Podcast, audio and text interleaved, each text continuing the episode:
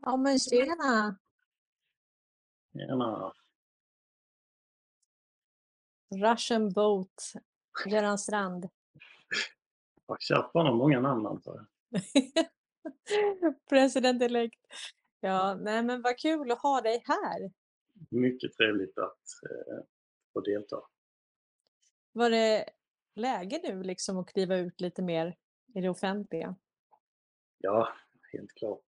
Eh, de senaste månadernas händelser. Eh, jag har varit med på flera space också eh, Mm.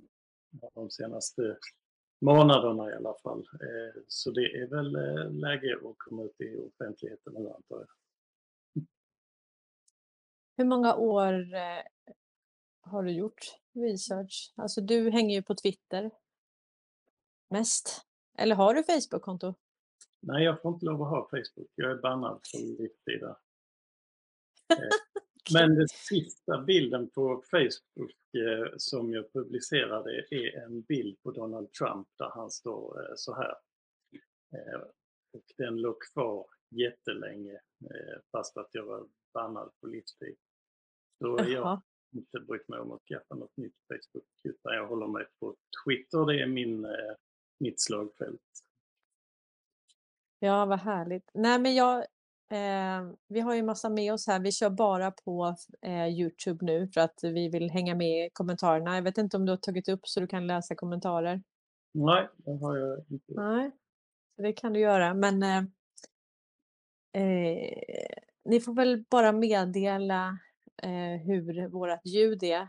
Jag höjer upp eh, Strand lite för att han pratar lite tystare än vad jag gör. Eh, så får ni meddela om det låter bra eller så. Ja, men vad spännande då. Och eh, ja, men vi pratade ju om det, den spelväxling som vi känner att vi är inne i nu. Ja, nu, kan, nu kan ju alla se i, i dagstidningar och allting att spelväxlingen är, är något helt annat och det sker mycket öppnare också. Och det var som vi pratade om i, i Spacet i, i, igår, eh, vår roll i det här också för att mainstream media eh, har ju gått en bit under tvång. Och alternativ media går inte många bitar ens under tvång. Nej. För vår roll här är ju att fånga upp det de säger och ge kontexten. eh, Och Mm. ge bakgrund, historia och eh, allt annat som de inte nämner. För de går inte hela vägen fortfarande utan de väljer ju bara precis de delarna som de tycker är lämpliga. Mm. Jag såg du gick på Frihetsnytt ganska hårt där. Ehm, och det, det är ju fortfarande det här med World Economic Forum, det är alla kommer dö, det är, det är liksom, de, de kör det racet och eh, ja, de raderar ju kommentarer som, som eh, säger någonting annat. Min fick vara kvar, min kommentar på Youtube. Konstigt nog faktiskt, medan då mot Bombadil och andras blev borttagna. Men min fick vara kvar. Det är lite så här Carl Bildt. Eh, jag får skriva vad jag vill till Carl Bildt utan att bli borttagen. Alla andra blir borttagna. Mm. Det ser väl Mm. hatten. Men absolut, om vi pratar den här Frihetsnytt. Jag satt och plågade mig igenom den videon där de notoriskt och ytterst flagrant undviker att nämna Investor, Wallenberg och det, det inflytande de har över World Economic Forum och det är hela tiden eh, skräckporr. Det är vad Mm. det handlar om. Mm. Och det är vi inte ens, inte alls där. Vi har, det har aldrig sett bättre ut någonsin i svensk historia, någonsin. än Nej. Jag håller med dig alltså. Och det, det är ju likadant. ehm, Eh, Eh, jag tog upp lite vad ehm, Ole Dammegård sa när han gästade Frans och Ståhl. Eh, och det, det är ju, man skräms med militären, man skräms med MSB och Fima och, och ja, det, det hur länge ska de få sitta och, skrämmas liksom? Och, eh, och sen när vi då säger emot och, och ger vårt motnarrativ. Det är faktiskt vår uppgift att ge ett motnarrativ. För om vi bara sitter där och inte säger någonting, då är det precis som att vi håller med. Vi måste ge ett motnarrativ. Det är liksom vår uppgift, annars är vi inga digitala soldater. Det här är ju ett informationskrig. Ja, och vi måste servera eh, rätt problemformulering och svar på de frågorna som, som kommer. Det är ju där jag, jag har lagt mitt, mitt fokus, att mm. försöka... In, och man behöver inte gå tillbaka till 1300-talet och ta det därifrån utan det har skett så mycket i, i det här landet så att man kan bara gå tillbaka 10 år, 20 år eh, eller ibland numera en kvart och ge en helt annan, annan bild än vad media visar upp. Mm. Och jag har ju fått eh, en intervju med Dr. John Halper Hayes. Och eh, man kan säga att hon gör ju ett fantastiskt jobb i sina intervjuer och, och hugga tillbaka mot de här eh, eh, journalisterna alltså, eller vad man nu ska kalla dem. Eh, lobbyisterna kanske man ska säga, men eh, det var ju ganska länge sedan vi började prata, hon och jag, och eh, vi skulle göra den här intervjun. Och sen så sköt hon fram det då till 15 oktober, sen återkom hon inte om tid och eh, nu är det då satt till eh, klockan 12 den eh, 15 oktober, 15 november. Men jag bara tycker att jag tror ju att hon fick direktiv att avvakta. Och vad grundade jag det på då? Jo, men jag grundade på att hon var ju i ett space med Michael Ray Corey och då ställde han en fråga om Ericsson. Eh, och hon valde att inte svara. Hon sa att hon var trött och, och så här. Va? Men, men jag tror att eh, hon fick inte svara helt enkelt. Men nu är det läge. Och det är liksom, det blir ju, tänk att ha Dr. John Holper Hayes sitta faktiskt svara på de här frågorna och påståenden som jag kommer säga om, om Wallenberg och Eriksson. och det kommer nu ut liksom. Ja. Det här är ju, och jag vet inte om, om folk förstår hur stort det här är rent spelväxlingsmässigt. Och vi har en väldigt speciell dag idag också. Jag vet inte om du har tänkt på det, men det är faktiskt sex år sedan första Q-droppen kom idag. Mm. Q-drop nummer ett eh, har Delta idag och det till, tillfällighet att det också infaller på en, den 30 infaller på en måndag och det lär inte hända på ett tag. Då. Och det tillsammans med att du får intervju med John Halper Hayes eh, mm. när då Michael Ray Curry exponerar som han gör och när vi mm. andra exponerar som vi gör. Det, det, det är en eh, spelväxling i, i, eh, som står i dörren här. Som vi mm. har Eh, och inte att förringa, den 12 november har jag faktiskt nästa intervju med Derek Johnson. Märkligt nog har Derek Johnson blockerat mig på Twitter. har han?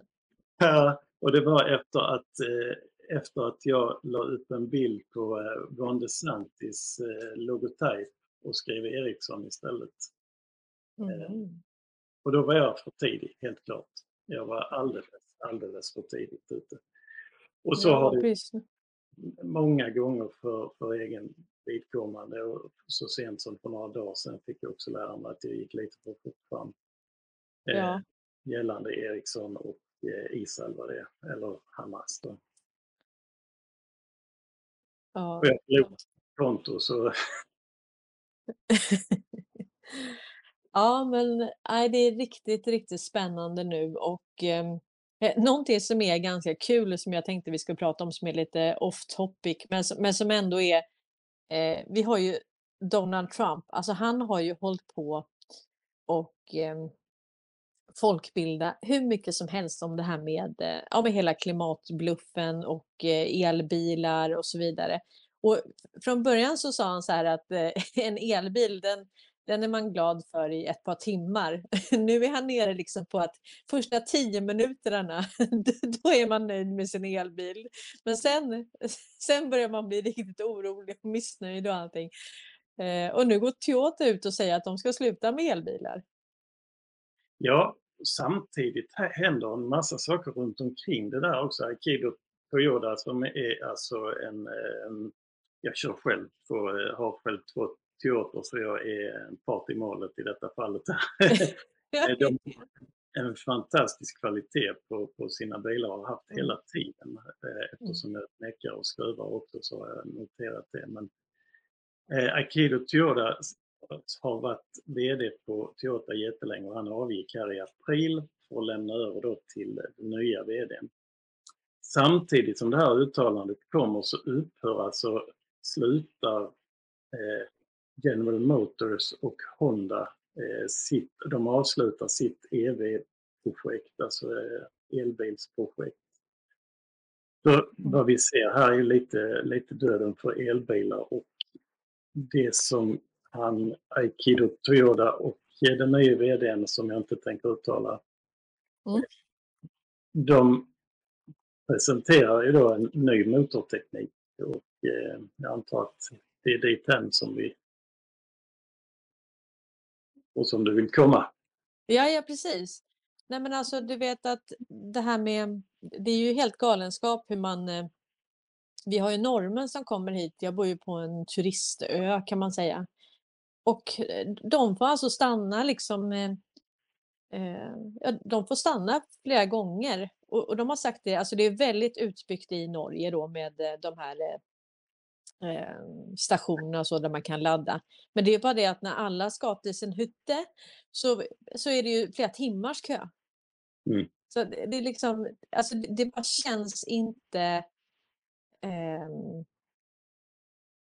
Nej, det, det, är en, det är en bakvänd teknik och det är dessutom en, en miljömässig katastrof eh, hur man än räknar på, på elbilar.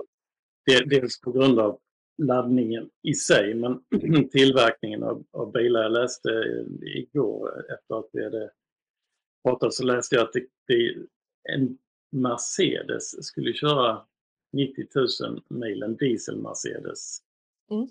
Eh, det motsvarar en produktion, produktionen av en elbil eller det var något i den, den stilen. Och då har du liksom barnarbete i Kongo, eh, litiumbrytning, litiumutvinning som är en oerhört vidrig eh, verksamhet generellt. Mm. Kobolt, eh, koboltutvinning. Det är Ja, och det har säkert funnits ett, ett, ett, eh, syfte med det här och, och, jag tror att Tesla är, är nyckeln till, till själva syftet där. Att finansiera då andra saker. Eh, Erik Heiser skriver angående elbilar och Elon Musk. Jag undrar om inte Tesla var en del av Folkbildningsprojektet. Tesla var ju till exempel uppmärksammade för att avlyssna sina kunder.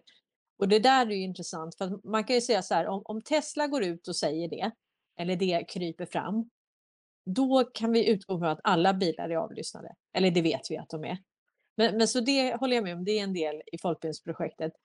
Men sen är också så här, varför, varför blir inte Elon Musk arg på Trump när han går och säger att eh, man är bara glad de första tio minuterna efter laddning med, med en elbil? Men samtidigt så blir Elon Musk jättearg på Gates för att han blankar deras eh, aktie, det vill säga han bettar på att aktien kommer gå ner. Ja, man kan betta på att den ska gå upp också, men i det här fallet var det att han bettade på att, den, att aktien skulle gå ner. Och då menar han på att om du verkligen eh, trodde på miljön, då skulle du inte bete dig på det viset. Nej, jag, jag, jag skulle tippa, om min, min teori håller, att eh, Tesla lanserades för att finansiera Starlink-projekt. Eh, mm. eh, och låta de här liberala klimatnissarna själv betala sin egen, eh, sitt eget bedrägeri så att säga. Mm. och när nu då eh, Aikido Toyota och Toyota lanserar en ammoniakbil, mm. ammoniakmotor, mm. så, så kan man väl se elbilens eh, syfte som utspelat. Eh, mm. Vill jag väl tippa på. Det står så här, ammoniakmotorn är den typ av förbränningsmotor som använder ammoniak som sitt primära bränsle. Ammoniakens sammansättning har en kväveatom och tre väteatomer, alltså helt utan kolatomer. Och det gör det extra aktuellt i en tid när koldioxidutsläpp eh, ständigt diskuteras. Ammoniak har en hög energitäthet, vilket gör den idealisk för användning inom sektorer med stort kraftbehov, såsom transportindustrin. Toyota säger att deras 2 liters fyrcylindriga motor bränner flytande ammoniaka och har en effekt på 161 hästkrafter.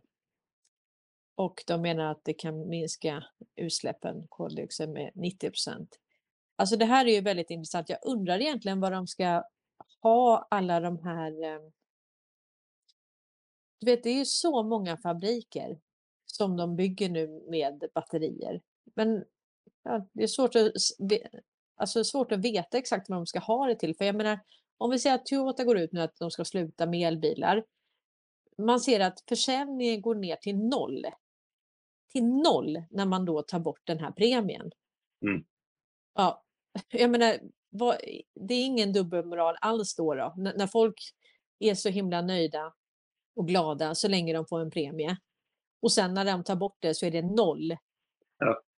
Och nu, här har ju, om vi, om vi tar de stora då, globalistbiltillverkarna, eh, Volkswagen, Audi, BMW och så vidare, har gjort sin mm. omställning till EV och har sagt att de ska sluta med den gamla Otto-motorn då, eller eh, explosionsmotorn. Eh, och den omställningen har kostat dem enorma summor. Och hela EV-hanteringen för bilhandlarna, biltillverkarna går ju med förlust. Eh, så mm. tillverka en elbil och sen sälja den är ju en förlustaffär. Så de hade, de hade ju tänkt något annat här än vad som faktiskt blev. Återigen, det är lite så som det här folkbildningsprojektet har fungerat. Man låter djupa staten löpa sin lina och sen så, så eh, infiltrerar man det och förändrar det i en annan riktning. Och det skulle jag väl tippa på går att applicera även i detta fallet. Mm. Erik skriver att eh, Toyotas nya motor låter lite som en Stirling-motor med skillnaden att Stirling-motorn går på syre. Ja, eh, där är så låg explosionskraft i eh, ammoniak, alltså det krävs högt tryck. Men eh, jag, som motorintresserad fastnade för det där så jag, jag var inne och eh, läste en hel del om det där och jag hittat någonting. Och, och genom att höja trycket på olika sätt, och, eller kompressionen, eh, och eller blanda ut det med diesel eller bensin.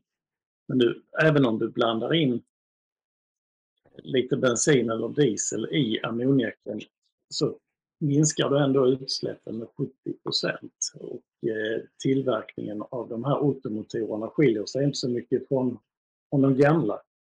Så eh, omställningen är inte så dyr heller. Så eh, Toyota och den här kinesiska utvecklaren eh, C, vad heter de nu? CFM eller något i den stilen eh, har ju tagit fram den här motorn tillsammans då, Toyota och det kinesiska, eh, jag tror mm. Det är ett joint venture mellan Kina och Japan. Mm. Ja men precis.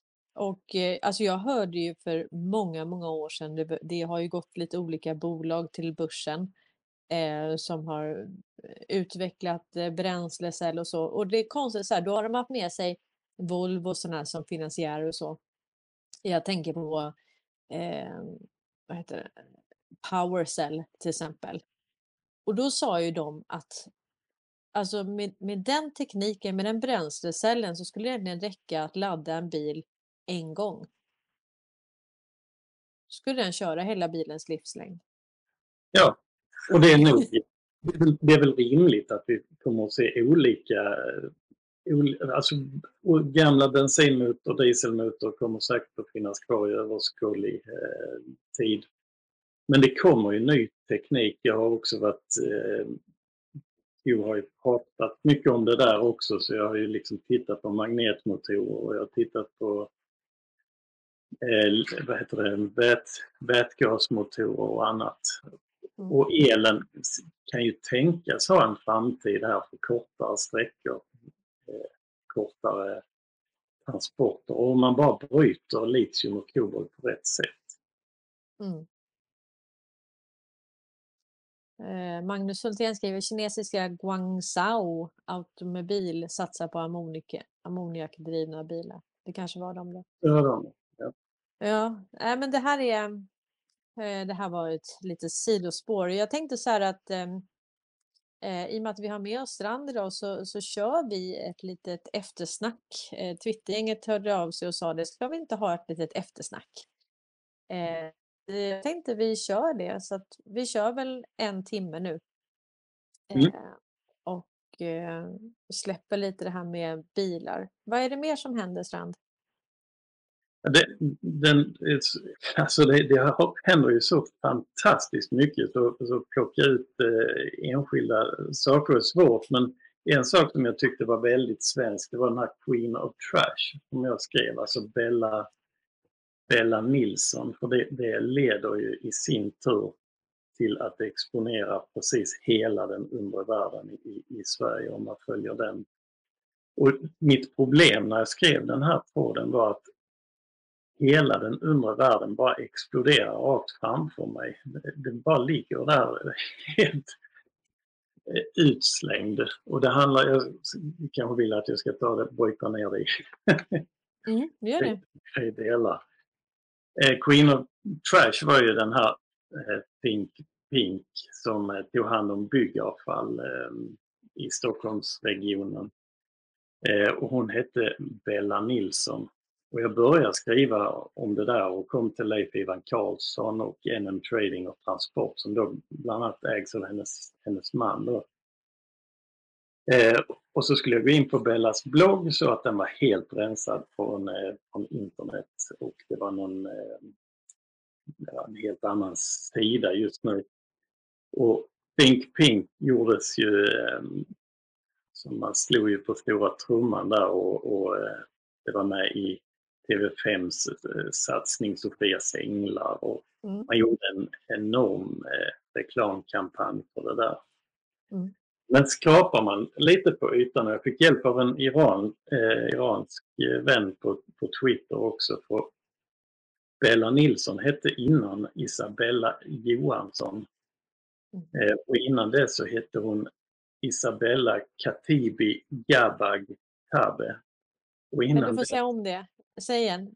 Isabel Eh. Khatib.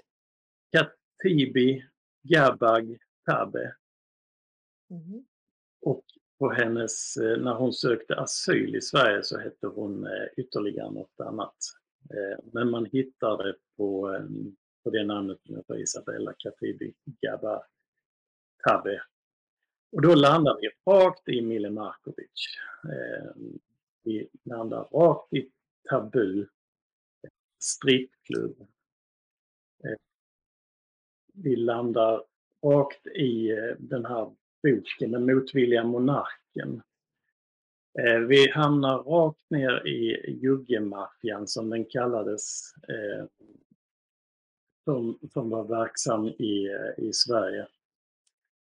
Eh, Och de har ju då bilder på kungen när han eh, deltog i de här, eh, ja, vad ska jag säga, strippklubben, säger vi. Ja, orgier i stort sett. Ja, det kan vi säga. Eller? Det Ja. kan man nästan säga. Ja, det får man, eh, får man säga. Och den som har den informationen nu, för som ni vet så blev ju Mile Markovic mördad i, i Bromma. Strax efter Mm. det här avslöjandet då, att, eh, kungens eh, filmer. Men då sitter Milan Sev han sitter nere i Serbien och har den, den underrättelseinformationen. Och gräver man vidare så hamnar man då på Lotta Moss som, som var gift med, med eh, Mile Markovic. Alltså det här, det, det bara bygger på hela tiden. Och hon skrev en bok som heter Gift med maffian, min nakna sanning. Mm. Eh, och hon sitter i TV4 och berättar eh, en del av det här. Men twisten i det här är ju att en kriminalinspektörs tjänstemobil dök upp hos, eh, på den här porrklubben då, eller strippklubben. Och strippklubbsägaren hade den här eh, eh, kriminalinspektörens telefon på Privé i Stockholm. Eh, och i den telefonen så fanns då eh, Nova-grupp, polisens Nova-grupp, all den information, Nova-listan på 100 kriminella personer och allt som polisen visste om dem. Det fanns också Alcatraz-listan.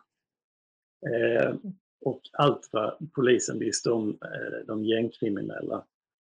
Och då hade den här polisinspektören betalt eh, för sina, de tjänster han hade fått på privé.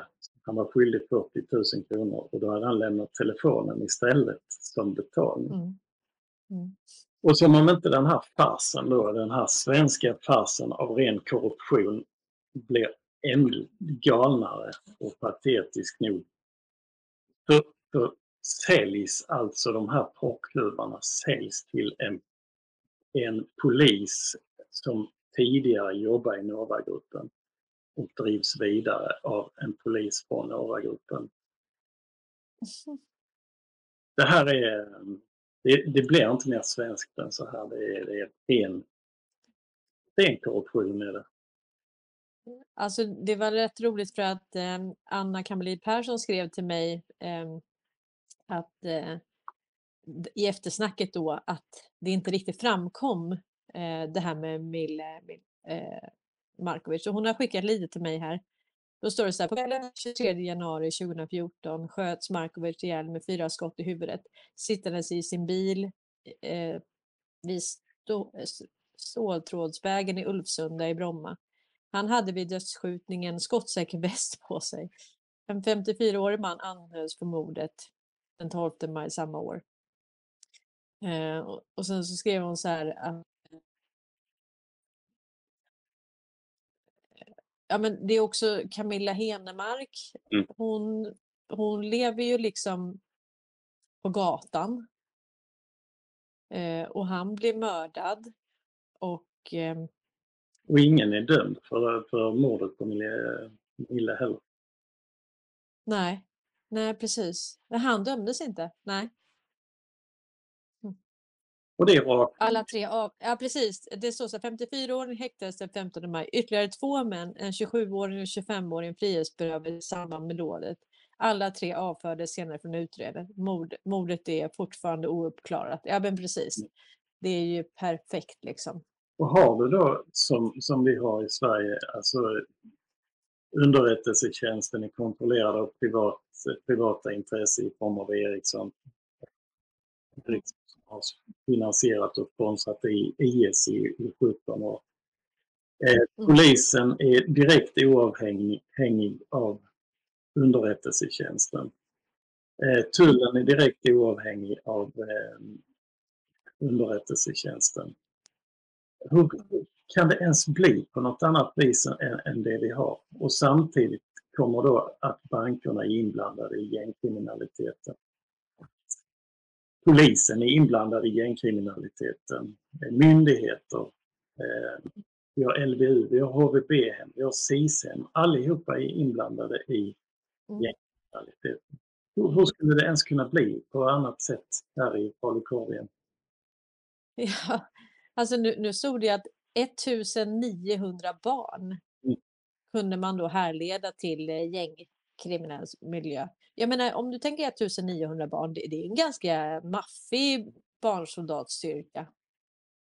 Ja, det, det och, eh, krävs ju. Alltså en underrättelsetjänst, det krävs en statsaktör för att hantera 1900 barnsoldater. Jag tror inte det räcker. Det står där i artikeln också att det, det har diskuterats tidigare 30 000.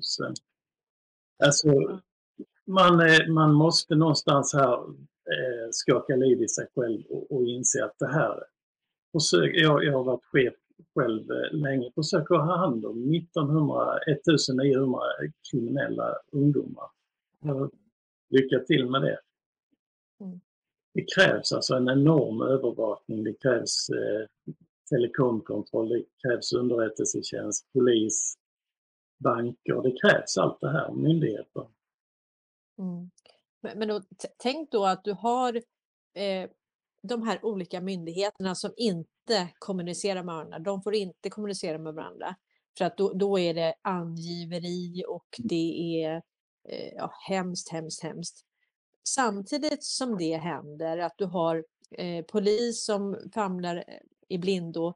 Du kommer ihåg vi hade hon eh Lisa Santos, hette hon, var, hon som var eh, den här åklagaren som fick tillgång till materialet från FBI. Mm. Och det var ju jättemycket sms och, och alltså konversationer då. Och eh, alltså bara det att hon inte har fått tillgång till den typen av information tidigare, utan det måste komma från när du har alltså telekominfrastrukturen, alltså de som sitter på den sitter i Sverige. Samtidigt så har du polis och åklagare, hela rättsväsendet eh, som får då famla i blindo. Det har man ju gjort medvetet. Alltså silotänk är ju ett sätt och en, en eh, management eller en härskarteknik att, att alla kör sina egna silo. De har ingen, ingen eh, kontakt med varandra och, och där, då hamnar vi ju också på eh, maktdelningsprincipen jämfört med det som vi har i Sverige då, som heter folksuveränitetsprincipen. Eh, mm. Det är ju liksom så institutionaliserat för att inte exponeras så det är planerat och genomtänkt sen, sen way back when, Axel, Axel Oxenstierna typ. Mm. Men nu då så kommer ju myndigheterna att få insyn i, i annars. Det kom ett lagförslag här för någon vecka sedan. Mm.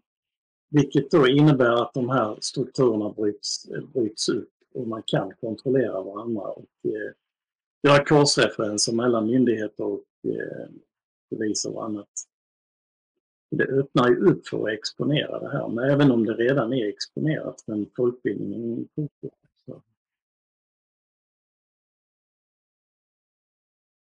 Ja, eh, Erik Heiser skriver här att undrar om inte mordet på Millemark och vi kan kopplas till Noppe Levenhaups frånfälle. Eh, det är rätt intressant. Det är väl, eh, det är väl ett rimligt antagande. Jag, jag slutar min tråd här av en anledning. Eh, för att eh, jag vill inte hamna i, i rena spekulationer men däremot öppnas ju alltihop.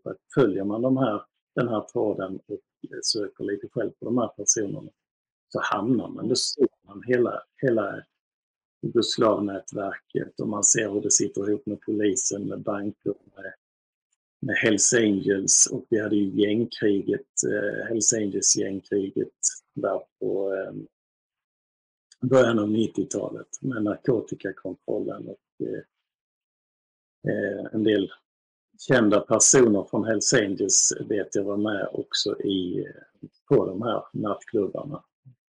Mm.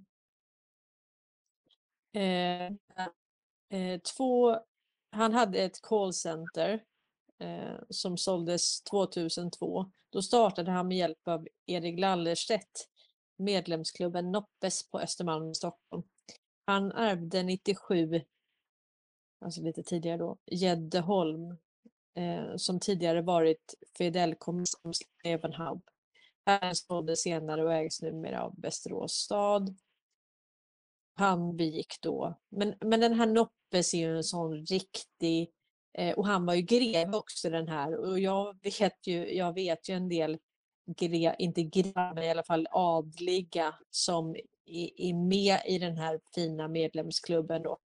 Och han begick alltså självmord eh, den 28 februari 2017. Eh, och, och dit, till den där klubben gick eh, de som egentligen inte hade råd så att säga och där skulle man bräcka varandra i den finaste champagnen och eh, ja, totalt nonsens alltså.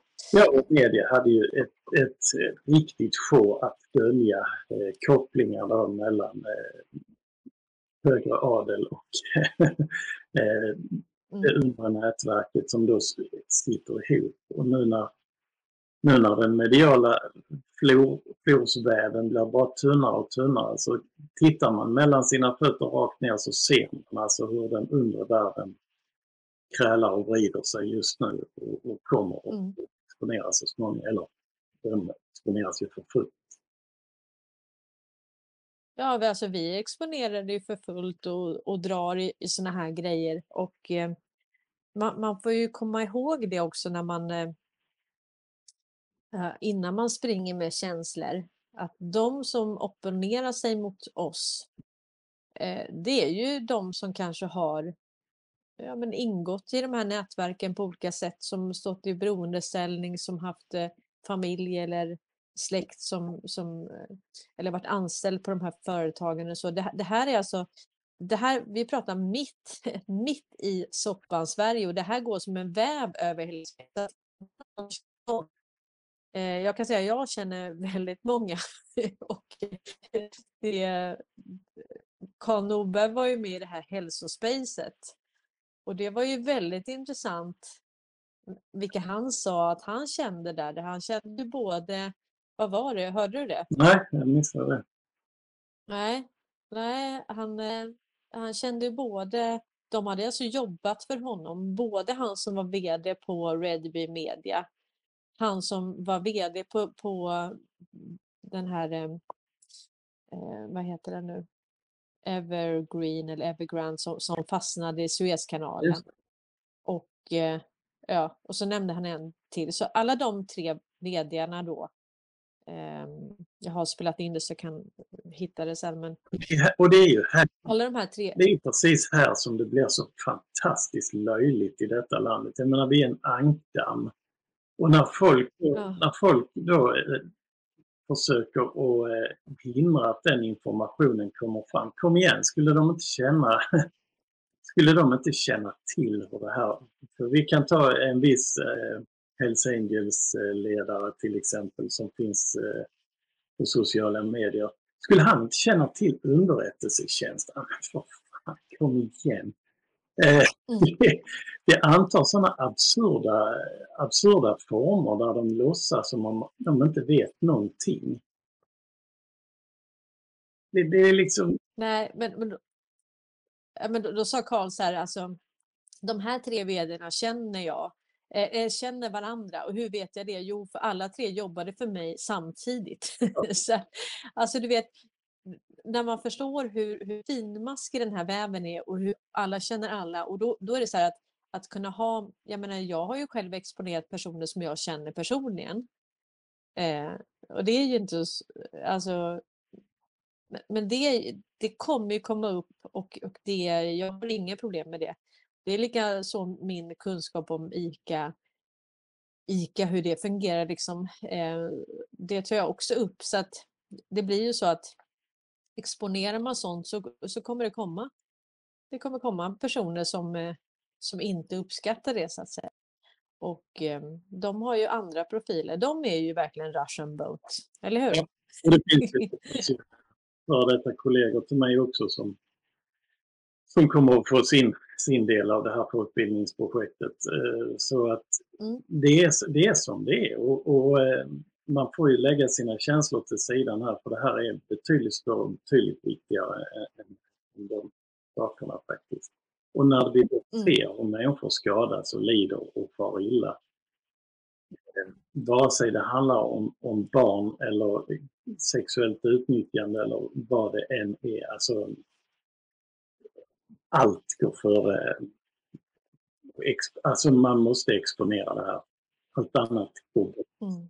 Så så känslor är är här, det får man bara lägga till sidan. Men du, då kommer vi oavsett in på det här med, eh, familjen Wallenberg. Nej, Wahlgren. Det var nästan som Wallenberg. Familjen Wahlgren då. Eh, för då har ju han Niklas, han har ju åkt dit för för sexköp då. Eh, och eh, då då var det ju vissa som som skriver så här att, eh, eh ja, att att det det är valfritt så att säga.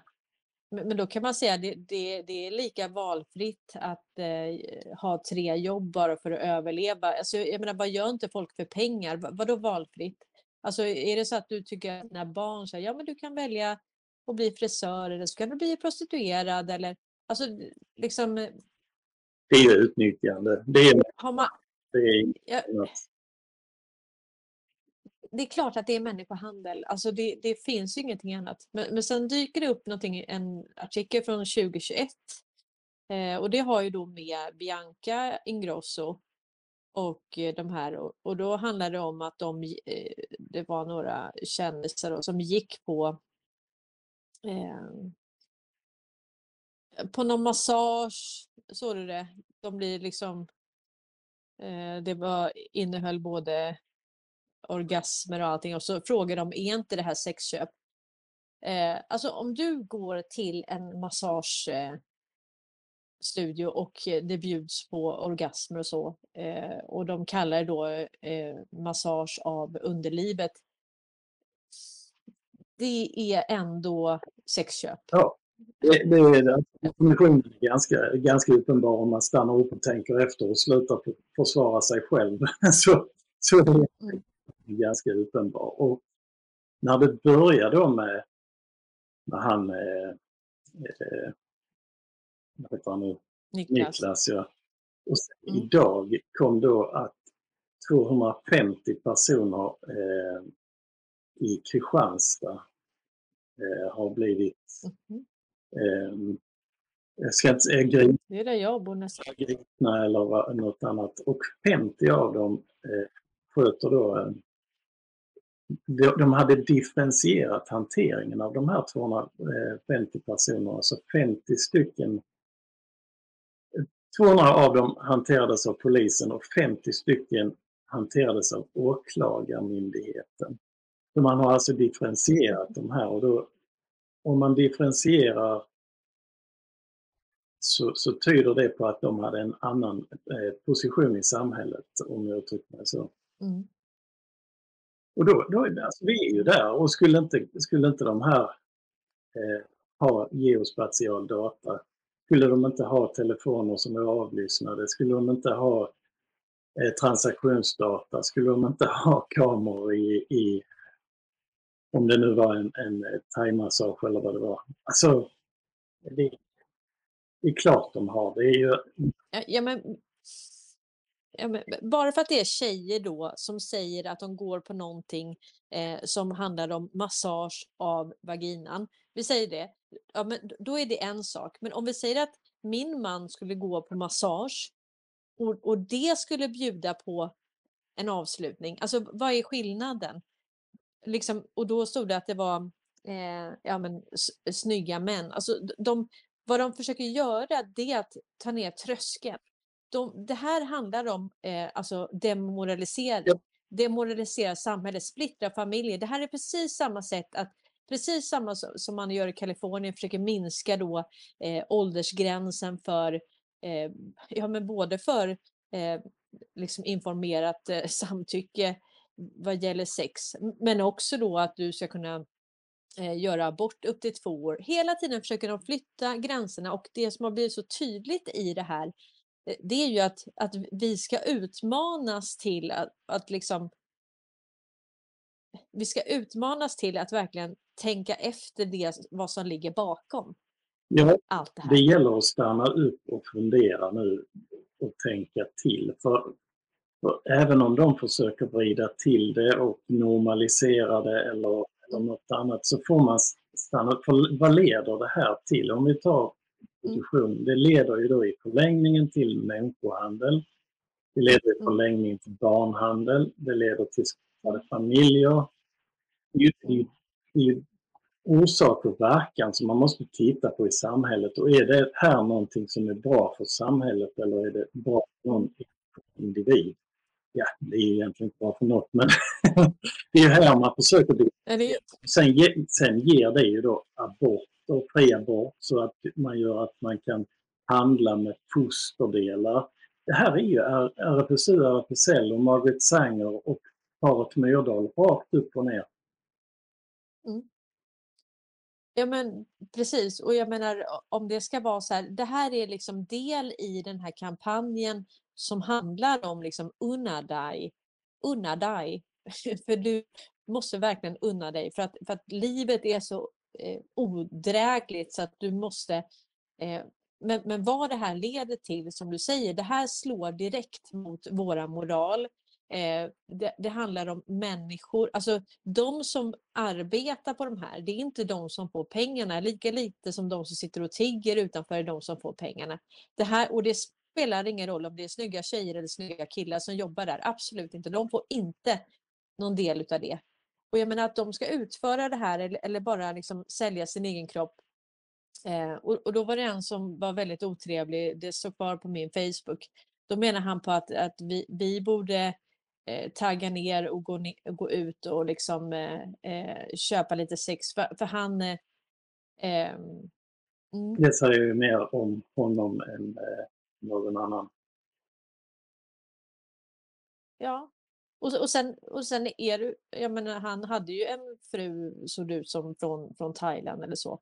Och, och det är också så att eh, det måste ju inte alls, det kan ju vara kärlek och de kan träffas här och så, men, men, men där har vi också någonting. Vi har både västerländska kvinnor som åker ner till Afrika och utnyttjar eh, liksom pojkar. Vi har barn som utnyttjas, eh, liksom man åker till, till Thailand och olika ställen. Det här, den här exploateringen hela tiden. Det, eh, alltså om vi tittar... det, är, det är människosyn. Det är en människosyn ja. som det grundar sig i och det gränsar ju till den, den svenska nazismen och det, det, det mm.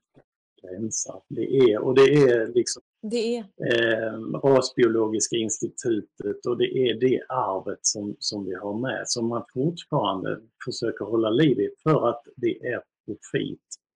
Det är att ha folk som mår dåligt, som inte kan göra moraliska vägval i livet. Att, att som du säger, unna sig. Eh, då hamnar du på, på de här finansintressena då som kan profitera på det här. Står du utanför det här och du har något, eh, någorlunda moral. Jag vet att många kristna organisationer har blivit hårt angripna. Eller religiösa, får vi säga då. Det mm. spelar ingen roll om det är kristna eller muslimer som har då en, en moral med sig från modersmjölk. Mm. Som, som då blir stigmatiserade i alla ändar för att de håller upp eh, något som, som då kan kallas moral i det här ja. sönderfallet av moral som vi har i detta landet. Mm.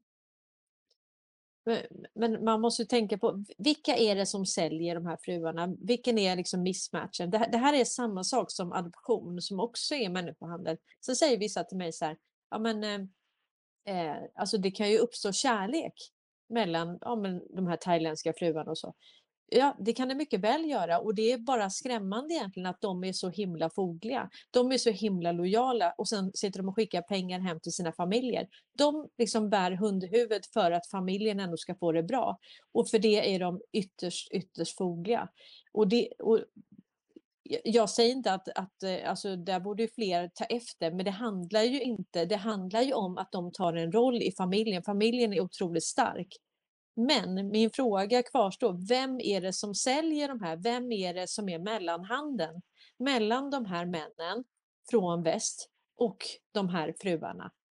Alltså underrättelsetjänsten måste ju vara inblandad i, i, i något läge här hur man än ser på saken. Eh, mm. och att man dessutom med social ingenjörskonst har förstört de strukturerna i samhället som, som möjliggör ett normalt liv som, som man har gjort här då. Där man har eh, skapat feminism, eh, man har skapat stigmatiseringsgrunder som gör att man splittrar familj och, och samhälle. Och det här är ju gjort medvetet sedan lång, lång, lång tid tillbaka. För att om du har ett friskt samhälle så hade inget av det som nu sker hade kunnat ske. Ett friskt samhälle hade ingen behövt eh, köpa strippor eller eh, happy ending på thaimassage. Vi hade inte haft thaimassage för då hade de varit lyckliga i sina hemländer och vi hade varit lyckliga i våra hemländer. Det, och det är ju precis det Donald Trump säger. Alltså, the future does not belong to globalists. The future belongs to och så vidare och så vidare. Patriots. Patriots och mm. sovereign nations mm. och så vidare. Mm. Eh, och det är där vi, det är dithän vi, vi måste sträva, för att bli av med alla de här excesserna och avarterna av mänskligt beteende som man har, har profiterat på medvetet och Mm. som man också då med social ingenjörskonst har närt. Allt från porrtidningar till eh, sexklubbar och gör reklam för swingersklubbar. Allt det här, det, det är liksom det om att bryta ner eh, moralen och livsstilen. Mm. Alkohol, Mm. skicka i dem. Och, och, ja, du vet, jag har jobbat i finansbranschen och det var ju liksom ofta de skulle gå, man var ju väldigt eh, i minoritet när man var kvinna liksom med i, alltså som rådgivare i den rollen liksom. Eh, det fanns ju givetvis någon på, alltså eh, sekreterare och så var ju, var ju tjejer, men annars var det ju bara män då. Så då när man skulle på kick-off och sådana så, så var det ju alltid strippklubb liksom. Eh, och eh, jag vet ju många som, eller som har följt med. Jag skulle aldrig följa med. Alltså det är liksom eh, vad är grejen? Och sen också om man säger vad, vad det här gör med samhället, ja men då kan man säga så här, ja men okej, eh, eh knark, eh, knark det är också valfritt. Porr det är också valfritt. Eh, men så kan man inte riktigt säga, alltså vilka är det som överflödar våra samhällen med, med droger? Hur hamnar de i droger? De, de bjuds först, alltså man lurar in dem i det. Och sen är det ju de Mm. Och det är alltid viss, vissa kategorier. Jag hade aldrig stött på narkotika och eh, de här typerna av excesserna förrän jag kom, kom upp med i karriären. Eh, jobbar ju väldigt, väldigt mycket internationellt och eh, omsatte ofantliga summor pengar och, och så vidare. Och det var först när jag kom upp dit som, och det var ju Mm. del i min uppvaknande också, bara vad i helvete är detta? Mm. Eh, Det ramlar ut liksom en påse kokain och fickan på en, på en kollega och eh, de försvinner iväg till eh, klubbar och eh, Ja. innan hade jag aldrig, aldrig stött på det men först när, när liksom pengarna kommer och makten kommer till en Mm. då vill de plötsligt ta hand om en och eh, ha hållhakar på dem. Alltså jag hade ju mina kollegor, de var ju notoriskt, eh, alltså då hade de så här fina familjer liksom i, i Höllviken, små barn och de var notoriskt otrogna, alltid, alltid liksom. Och det, det är bara så, så fruktansvärt och, och det där är ju kopplat till, till pengar så att säga. Ehm, men, men alltså, ja, det, det, det, nu är vi där och men samtidigt så kan man säga så här, vem är det som flödar över med knark Eh, och vem är det som, som försöker avmoralisera vårt samhälle och varför, varför det gör vi ju nu. Nu säger vi nej, liksom. Att vi, vi vill inte ha den här typen av samhället. Vi vill inte ha porr, vi vill inte ha eh, alltså, människohandel på det här viset. För sen också, det, det finns ju många jobb också som folk eh, ja, men som verkligen innebär att man utsätter sig själv för, för risk. Jag menar, jag tänker på de som jobbar i, i gruvor och, och litium och allting och, och då kan man säga att det är frivilligt men, men folk behöver ju också överleva så att säga. Så att, vilket samhälle har vi skapat? I, I alla jobb frivilliga då eller? Så det, nu, nu om någonsin gäller det att stå för sin etik och moral och vara lite, stå lite stadigare på jorden därför att jag har tjatat om något som svensken är eh, brutalt omedveten om och det är det individuella ansvaret som vi aldrig har behövt ta i detta landet. Nu kommer individuellt ansvar. Och vad menar jag med individuellt ansvar? Ja, det är att du ansvarar själv för följderna. Och vare sig du... Eh, och som de här 250 personerna i Kristianstad säkert eh, blir väldigt eh, uppmärksammade på att nu ham- hamnar man där. Att man får ta det individuella ansvaret. Det står inte en djupa stat där och fångar upp alla och sätter en hållhake på dem och skickar ut dem i samhället igen. Utan det är det individuellt ansvar eftersom det inte kommer vara någon som djupa stat som, som har nytta av dig längre. Mm. Nej, precis, precis. Ja, men vad intressant då. Eh, det är någons, Britt-Marie frågar vad du har jobbat med. Jag har jobbat, eh, eh, jag, uttrycka jag har jobbat på världens största kosmetikaföretag som eh, inköp och produktionschef. Produktionschef? Och inköpschef. Ja, inköp. Ja. Mm. Och det är också en bransch, eh, kan man säga. Men jag är väldigt tacksam eh, för det jag fick se, uppleva och vara med om. Eh, för det har lett mig dit jag är idag och den förståelsen som jag har idag. Så jag är fantastiskt nöjd med allt jag har upplevt fram till idag. Mm. Jag, jag fick ju säga till kollegor ibland att liksom nu eh, när man satt eh, liksom i kundmöte och så tillsammans, liksom man hade åkt iväg för att träffa en större kund och så. Och så är de höga som hus liksom. Det, det, och sen då eh, en kvinna i varje hamn liksom och det, det var ju ingen lek alltså. Så det, det, alltså jag blev så trött eh, på det där liksom. Och sen var det då alla de här bjudningarna som var i, i i, bland försäkringsmäklare och så. Det här har jag pratat lite om under metoo, men, men att eh, då bjöd man ju då ner till eh, ja, Medelhavet, eh, att åka på en segelbåt till exempel eller en större båt, en jakt liksom och sen var det då kvinnor inclusive liksom. Det var redan kvinnor på båten. Och det, det, där, så de skapar ju hållhakar på varandra så att säga, för alla de där, de allra flesta var ju gifta och det var ju bara män såklart. Eh, och det här bekostas av, alltså av de här, eh, eh de här bolagen så att säga. Och, och bara att det...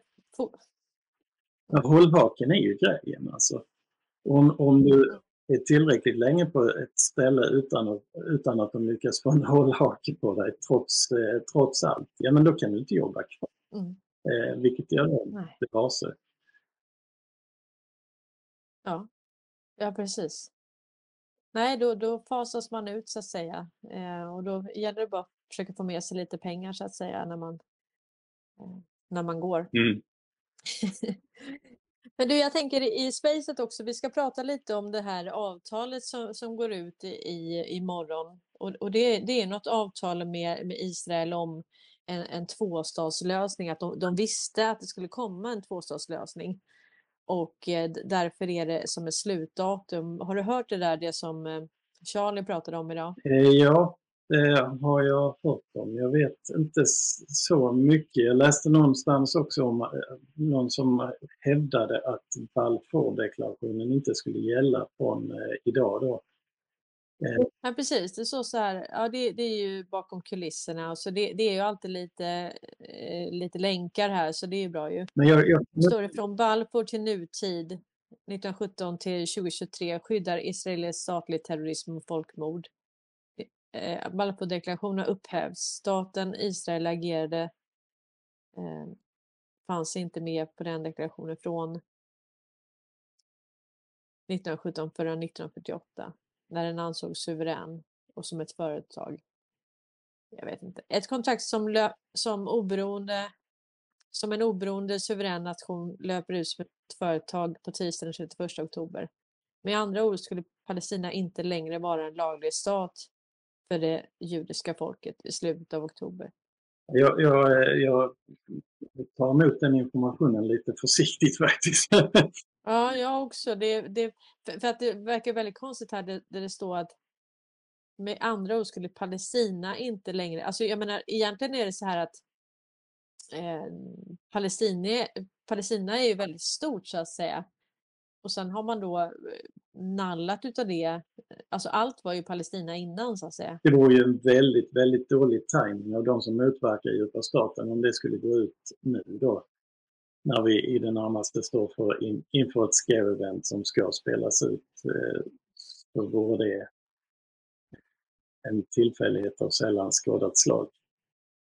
Jag, jag, skulle väl, jag skulle väl tippa på för eh, McGregor eldar ju på allt vad han kan om en kommande scare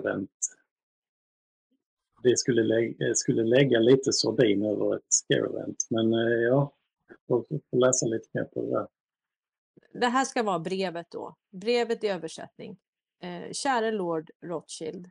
Det bereder mig stor glädje att å regeringens vägar överbringa eder följande deklaration av medkänsla med de judiska sionisternas strävanden, vilka har blivit underställda och bifallna av kabinettet.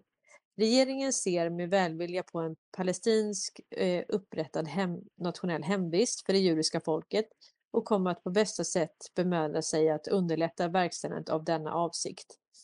Under den otvetydiga förutsättningen att intet må göras som kan inverka menligt på de mänskliga eller religiösa rättigheterna hos befintliga icke-judiska samhällen i Palestina eller de rättigheter eller de politiska ställningar som åtnjuts av judar i annat land.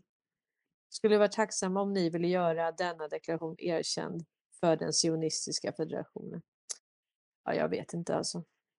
Nej, jag tar det. Men eh, som sagt, vi, vi tar upp allting och sen så får vi vända och vrida på saker och ting och sen kommer det visa sig ju. Absolut. Allt måste. Men Vi måste vrida. allt måste upp till ytan liksom. Och eh, nu kommer det här ut så att då får man ändå så får vi se vad det är. Men, men vi kan väl prata lite mer i eftersnacket om den här Balfour-deklarationen och hur man, hur man har, har liksom hållit den här regionen i ständig konflikt.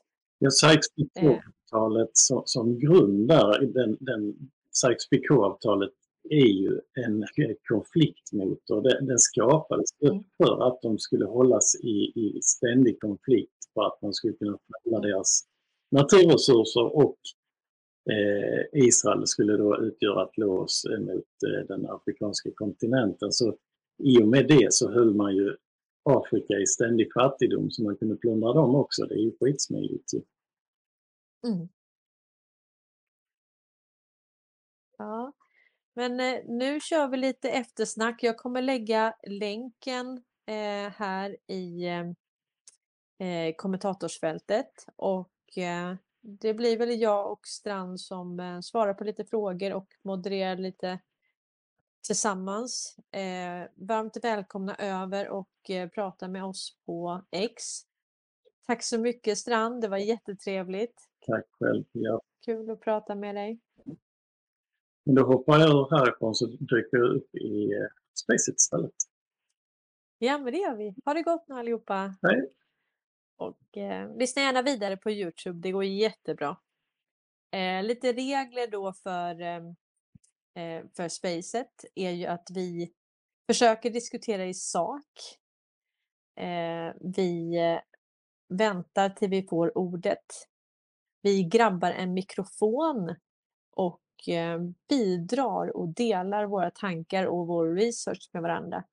Jättetrevligt. Och ehm, så håller vi det på en väldigt saklig och trevlig nivå. Varmt välkomna över dit. Och eh, för er som inte kan lyssna vidare så hörs vi igen imorgon klockan 12. Så välkomna allihopa till detta nyinsatta Space med Cornelia, Fröken Vithatt och G. Strand. Eh, då bara väntar vi in allihopa så att säga. Eh, Cornelia och Strand och gänget.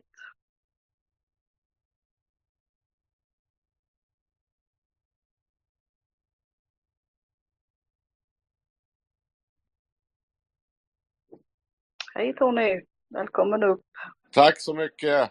Det ska bli spännande det här. Jag följde Cornelia på, eh, på hennes kanal här. Så att det här ska bli bra. Ja, det gjorde jag också. Där kom Strand. Då ska vi se om den andra Cornelia har dykt upp.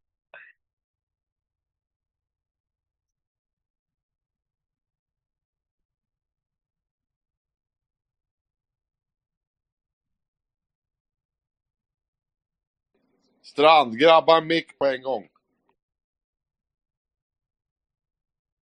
Ja, skicka till Strand har jag gjort. Välkommen Cornelia. Hej allihopa! Det, Hej! hej! Ja, det blev en jättetrevlig eh, mys-live med eh, Strand där. Tack så mycket Strand!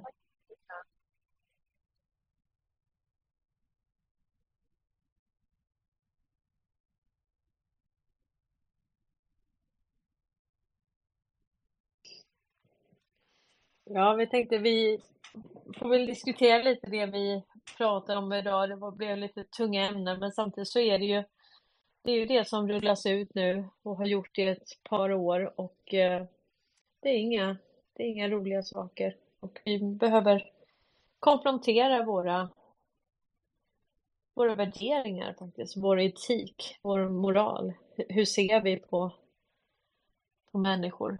Hur ser vi på arbeten? Hur ser vi på vad som krävs för att kunna leva och överleva på den här jorden? Cornelia, kan vi inte fortsätta den här diskussionen, du och Strand, med SIPK-avtalet och, eh, och det här avtalet som upphör idag, som de säger, angående Rothschild? Jo, men då kör vi vidare på det. Strand, eh, ta lite om eh, SFBK så ska jag läsa upp lite mer från det här avtalet som går eh, ut. Ja, jag ska bara se. Eh, jag tog upp eh, Balfour-deklarationen också. Eh, men jag skulle nog vilja börja med eh, Sykes-Picot-avtalet. De två är liksom oskiljaktiga. Eh, Sykes-Picot-avtalet har ju skapat själva konfliktmotorn i eh, i Mellanöstern hela tiden genom att just härska genom söndring. Och sen så har man då ytterligare skapat eh, sunnisekteristisk extremism. Det är ju väst som har skapat det för att kunna kontrollera eh, konflikt, konfliktmotorn. Eh, och det kommer ju Saudi och wahhabismen. Man får man får googla lite, lite själv så ser man hur det, hur det sitter ihop. Eh, och sen kom ju då, sen kom ju då Balfour-deklarationen. Och det, som är, det som är frågan här och som jag inte vet svaret på är huruvida och varför det skulle sluta gälla idag.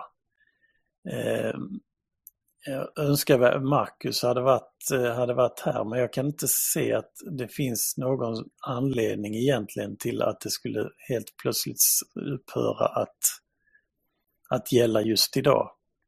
Men jag kanske... Det är om det, det, om det, det, om det satt ett slutdatum så att säga. Alltså, som jag förstod det så var det satt ett slutdatum när man tecknade. Man visste att man var tvungen att, att det skulle bli en två, tvåstatslösning. Um, Alltså så, så, förstår jag det, men jag ska läsa vidare. Jag får fråga mot Bombadil om, om vad, vad du tror, om det, om det finns någon slut. I så fall har jag missat det fullkomligt eh, varför det skulle finnas en slutdatum idag. Ja, det, det finns det, men det är nog inte på, på det sättet som många vill få det att gälla till. Eh, Israel hade ju bortom att registrera sig som ett företag nu. Om ni kommer ihåg så har vi ju The Kingdom of Sweden och alltihopa det där, den här biten. Och det har de gjort i London eh, av någon anledning eh, alldeles, alldeles nyligen. Och det här hänger ihop med, eh, eh, eh, men, men det sitter inte några datum vad jag vet i varken eh, Balfour eller Sykes-Picot-avtalet för det här är inte på det sättet. Men det kan väl finnas annat i botten där då som gör det att, eh, att de är tvingade då in i en annan ekonomisk zon än den de har befunnit sig i tidigare. Israel och Saudi har ju använts som, som slasktrattar och Japan eh, för eh, eh, dollarhanteringen. Då. Eh, så hur det ser ut på Israels centralbank, det kan man ju ta och fundera på.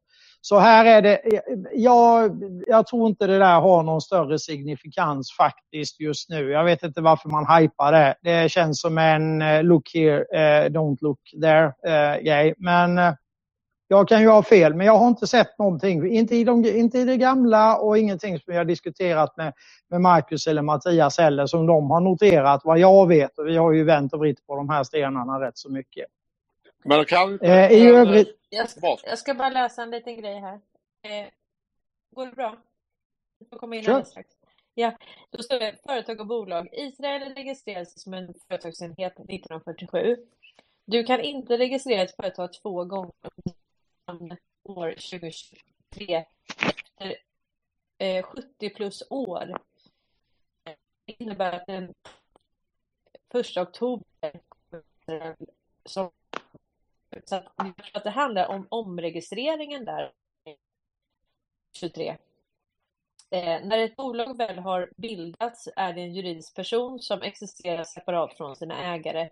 Det betyder att det har sitt eget namn, skatte-id-nummer, lagliga rättigheter och skyldigheter som företagsstruktur. Israel är bankrutt. När du är i den slutsatsen har du noll kontraktsregister. Alltså det, det, här är lite, det är lite samma som, eh, som eh, alltså USA-företaget så att säga som också är bankrutt. Det här ja, tål att grävas lite i. Det här, det här, är, det här kanske och, inte är helt... Eh, och Kingdom och Sweden också. Men Cornelia, nu tar vi det där. Det, det, det du läser upp där, det är ju då grundsetappen för hur man hanterar det här. Mm. Att företaget blir en egen juridisk person. Mm. Och, och, helt plötsligt där då, där har du ju då det största kryphålet, eller ett av de större kryphålen i setupen. Det går inte riktigt att fängsla ett företag va? Nej. Nej, det är lite som att ta bort eh, eh, tjänstemannaansvaret också då va. Mm. Och helt plötsligt, ni pratade ju om ansvar innan här i, i det då. Och där har du hela setupen. Givetvis så måste de som eh, är på företaget vara ansvariga och det är därför som Ericsson inte har beviljats ansvarsfrihet denna gången. Mm. Och nu kommer den civila rättegången med eh, ja, uppåt 800 eh, käranden och eh, 286 Gold Star Families som kommer sätta Ericssons styrelse, inklusive Börje Ekholm och hela faderullan. De kommer alltså då vara personligt ansvariga. De har inte någon ansvarsfrihet för det, hela den verksamheten och de är ytterst ansvariga. Mm. Och alla som kommer under dem i hierarkin ner till den transmissionen som om man då eh, lyckas bevisa detta, de har handlats ut då till Isis och Al-Qaida med flera då, som de själva har skapat förvisso, men det är ju en annan, det är en annan historia. Det, det är lite som Israel och Hamas. Va? Eh, om, eh, om Benjamin Netanyahu gång efter gång efter gång säger att Israel är den djupa staten och ingenting annat. Om vi kan identifiera den djupa staten, då är ju Mossad en del av den djupa staten. Om Mossad har skapat Hamas, eller Hamas, Mm. Vilket de faktiskt har gjort då. Det är ju bortom allt i huvud. Ja. Då innebär det att då finns det ju då en, en indiciekedja här på vem som är skyldig till vad. Det här är ju alltså, vi kan direkt jämföra det med eh, den ryska revolutionen och eh, eh, andra världskriget. Här är det ju då troligtvis eh, någon som inte har, eh, är nöjd med husse och eh, vänder på klacken och säger det att nej, nu får det vara nog.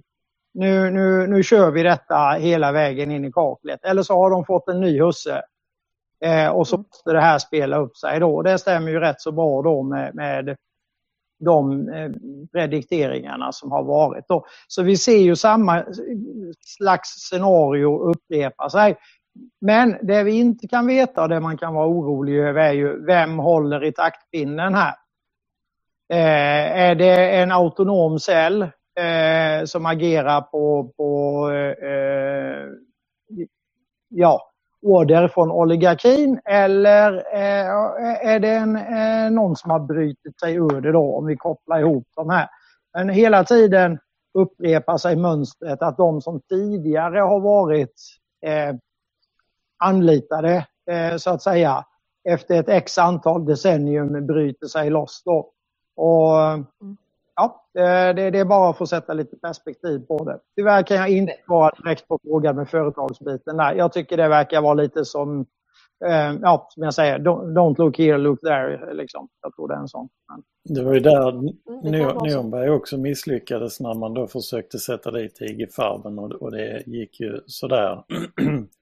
eh, så företag kan ju inte hållas skyldiga som entitet utan eh, det ska ju enskilda individer göra. Men eh, jag tror vi får eh, hålla ögonen på detta framgent känns det som. Ja, jag tycker vi ska gräva lite i det med, men kan, man kan ju säga så här att, att spelväxlingen som hände eh, 2017, det var ju att Trump åkte runt på sin turné, Eh, den här erövringsresan eller liksom eh, kapitul kapituleringstouren eller vad man nu vill kalla det.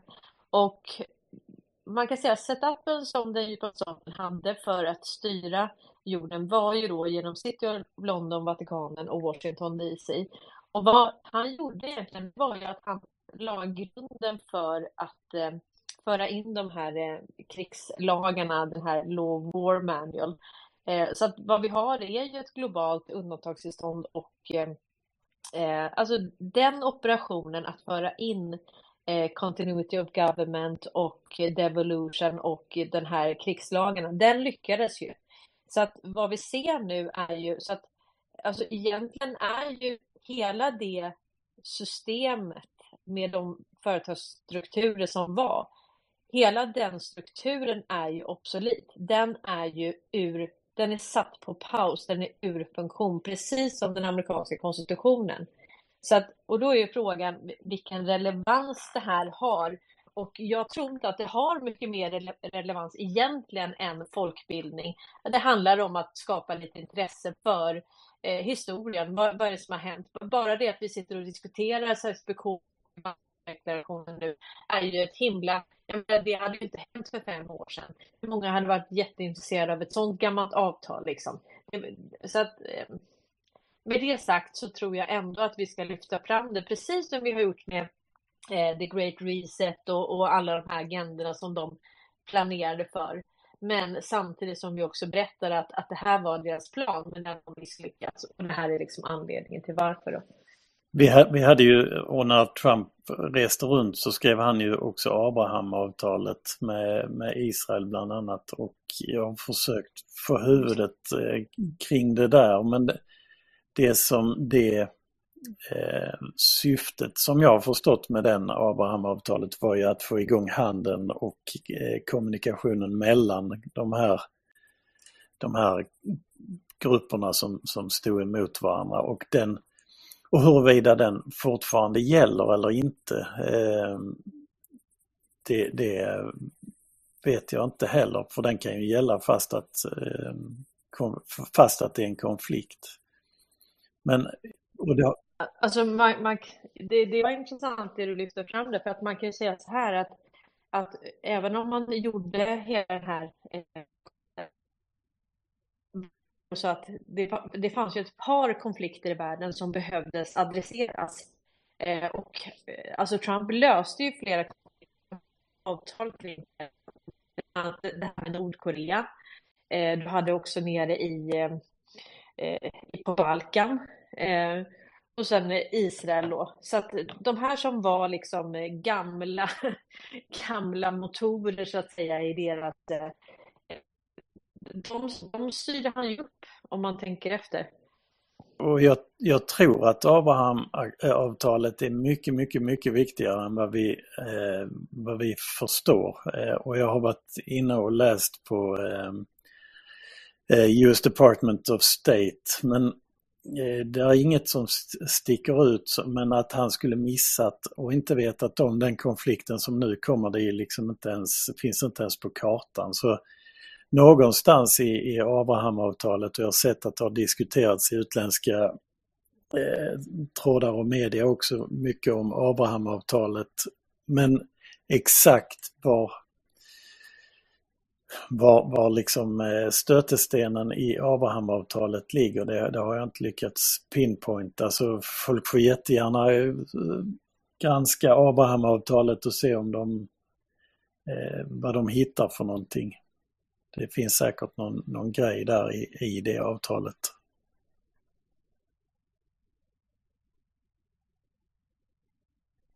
Ja, det har väl en viss inriktning i alla fall. Det är ju en direkt motverkan till eh, Operation Gladio. Det är ju vad det är i grund och botten. Det är ungefär som konstitutionen som sådan motverkar, eh, var en direkt motverkande dokument till den, till den djupa staten anno 1776 då.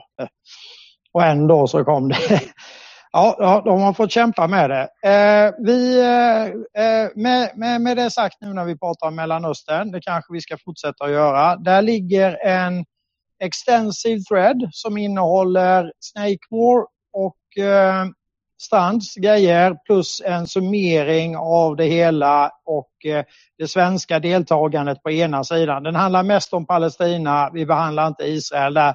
Vi kan nöja oss med vad Netanyahu har sagt om det och att eh, ABB och Ericsson är väldigt aktiva där. Dano Buskas tråd där han har försökt reda ut eh, Ericssons och ABB, ja, Ericsson framförallt då i, i, i Israel finns också med. Eh, den eh, ligger där uppe för den som är intresserad av att läsa hur det här Balfour eh, Sykes-Picot egentligen, men Balfour-deklarationen som exekuterade så att säga själva Sykes-Picot-avtalet. Hur man delade upp i olika zoner, engelsk, fransk och, och för att skapa det här eländet då. Och sedermera, eh, viktigt nog Strand, vi har en, en eh, vi kommer köra ett falskflagga space på, på, på torsdag.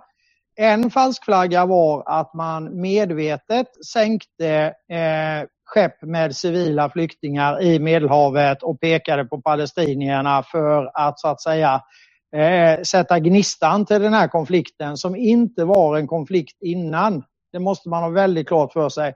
Det föregick ingen konflikt innan 1948.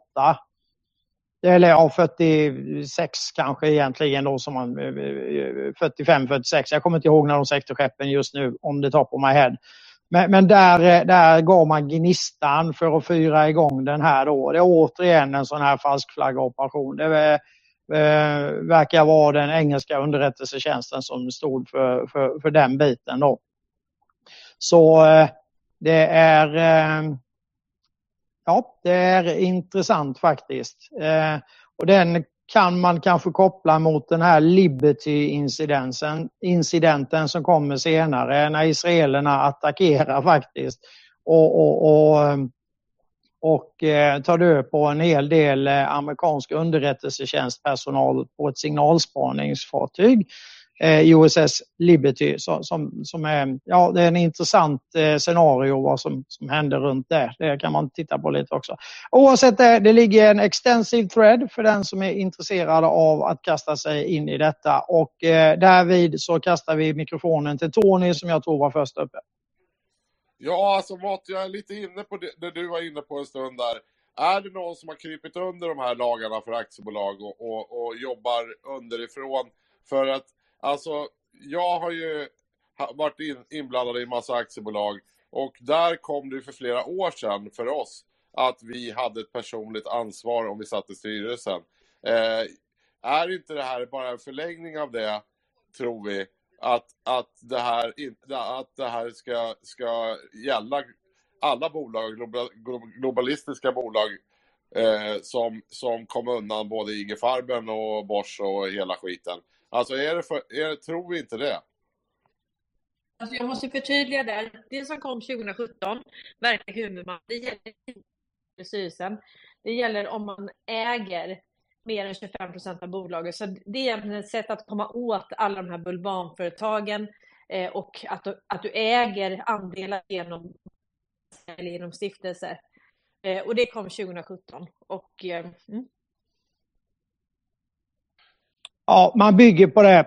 Jag är helt inne på din linje Tony där. Eh, jag skulle vilja säga att det finns säkerligen någonstans i de här rullorna. Tänk nu på hur många åtal som ligger eh, sealed eh, i USA. Vi pratar ju om, eh, ja, det var någonstans mellan 5 och 15 000 åtal som eh, ligger eh, och väntar så att säga. Och Eh, man har säkert gått tillbaka och tittat på lagarna och sagt att nej men den här tolkningen var fel utan eh, är du, eh, äger du stiftelsen som äger det här företaget och så vidare och så vidare. Så det, det, det, är nog den tiden vi ser an här nu. Det är liksom färdig, det är färdighaft på den punkten skulle jag vilja påstå. Ja, jag hoppas frågan, verkligen. Frågan är ju vilken jurisdiktion som gäller. Vil, vilken, eh, vilken lag går vi under? Inte den, inte det den svenska lagen i alla fall. Så i grund och botten handlar det om vilken jurisdiktion som, som gäller globalt eller och inklusive oss och om det då i så fall är law of war vilket, vilka anses då vara kombatanter och vilka anses inte vara. Så vi hamnar ju faktiskt i vilken jurisdiktion som faktiskt gäller eh, som grund. Ja, och då kan man säga att där har ju de lurat oss. För till exempel det här med eh, alltså mark och, och, den marken, det har ju ägts via FN via de här tre, eh, alltså Vatikanen, City of London och, och där är väl 175 länder som har skrivit på. Och de här sealed indictments, det, det är ungefär 400 000 eh, men det var, tre, ja, det var 383 000 för, för ett tag sedan, men det där stöts på. Jag hörde sista siffran var väl över 500 000. Och det är ju, ju mer de här Durham och Durham nystar så att säga, eh, så handlar det om de här strukturerna. Eh, så att det, det finns många sådana förseglade åtal och, och vad är vitsen med att försegla? Jo, men det är klart att om, i en stingoperation så vill du ta alla samtidigt. Du kan inte gå ut och berätta vad du gör för då kommer de undanröja bevis och så vidare. Men här, det vet ju vi nu, men jag vill ändå förtydliga det. Ja, ja, ja, det var ju en siffra som jag inte hade hört. Men jag, jag, har, eh, jag har tittat på, på de de har som huvudåtal då så att säga. Men det, det, det, det, ja, det finns någon kategorisering där neråt då så det, det, är ju bara att kopiera för att de som ligger under ser ju likadana ut. De byter bara ut namnet på personen egentligen så då, då växer det ju fort då. Ja, det är härligt att höra. Det är fantastiskt. Eh, med det sagt så går vi till Pierre som var härnäst.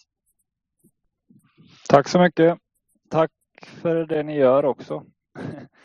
eh, på tal om det där med jurisdiktion eh, så sa ju Marcus på Investors årsstämma att alla företag som handlar med dollar ingår ju under amerikansk jurisdiktion. Eh, vill jag minnas att han sa. Eh, men det var inte riktigt det. Vad sa du? Att? Ja, det stämmer att han ja. sa något i den härden. Ja. Jo, han, han, sa så, men samtidigt så, så är det, och det, det, var väldigt intressant, för att han sa då att det var amerikansk jurisdiktion.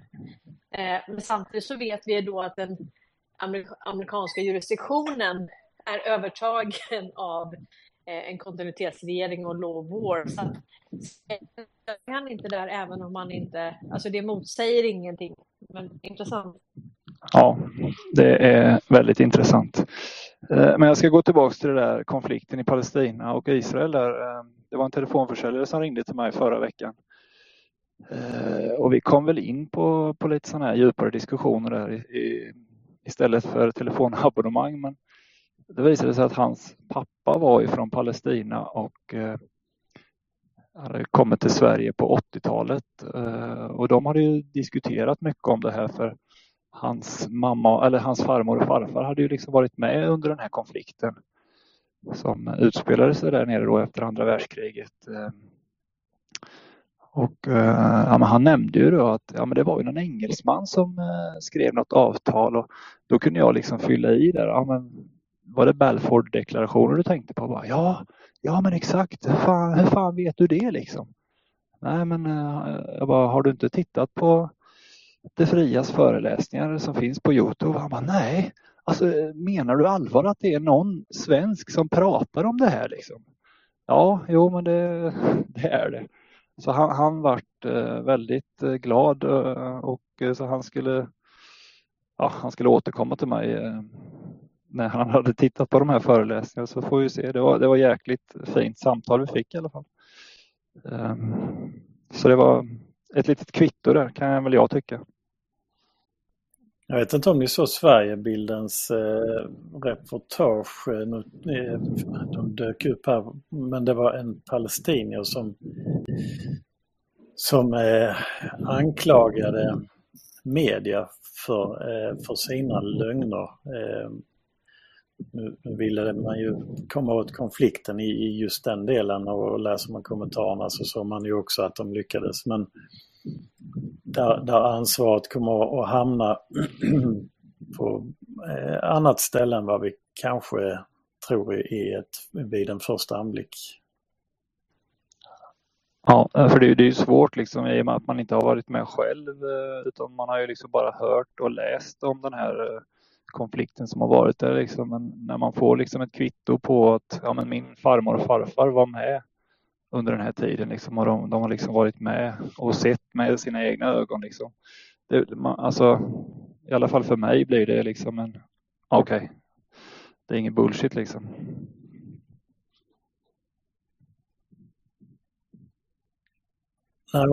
Nej, absolut inte. Det Oh, förlåt, Nej, jag skulle bara säga om, om Ericsson och Red Bee Media har, har eh, fullständigt kontrollerat Hamas. Och nu pratar jag om Hamas och inte Gaza per se och, och befolkningen där, men Hamas och Ericsson via Besek Ericsson har kontrollerat Israel och ABB som vi, som vi pratade om i Spacet härom, häromdagen.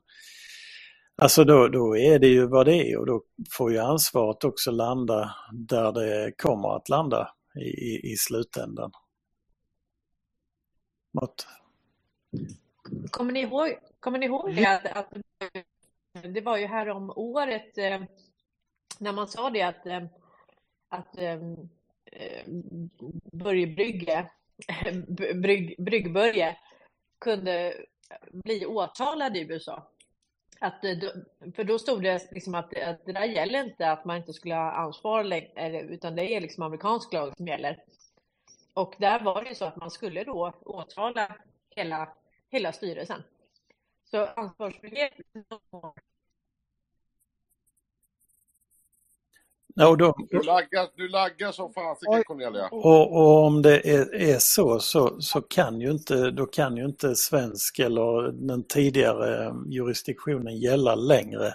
Utan då, då måste det vara en annan jurisdiktion som är, som är den som eh, gäller. Och har vi då krigstillstånd så, så är det väl eh, troligt att det är krigslagar som, som eh, mm. är de som råder. Och då, då pratar vi alltså, då pratar vi inte något eh, svennebanan-rättssystem där, där de får en smäll på fingrarna och, och fyra bullar och en saft och sen får gå ut igen utan eh, här är ju en dramatisk skillnad mellan ansvar och individuellt ansvar och det, det är lite det jag vill sätta fingret på det. Därför har jag tjatat om det här enskilda, enskilda ansvaret.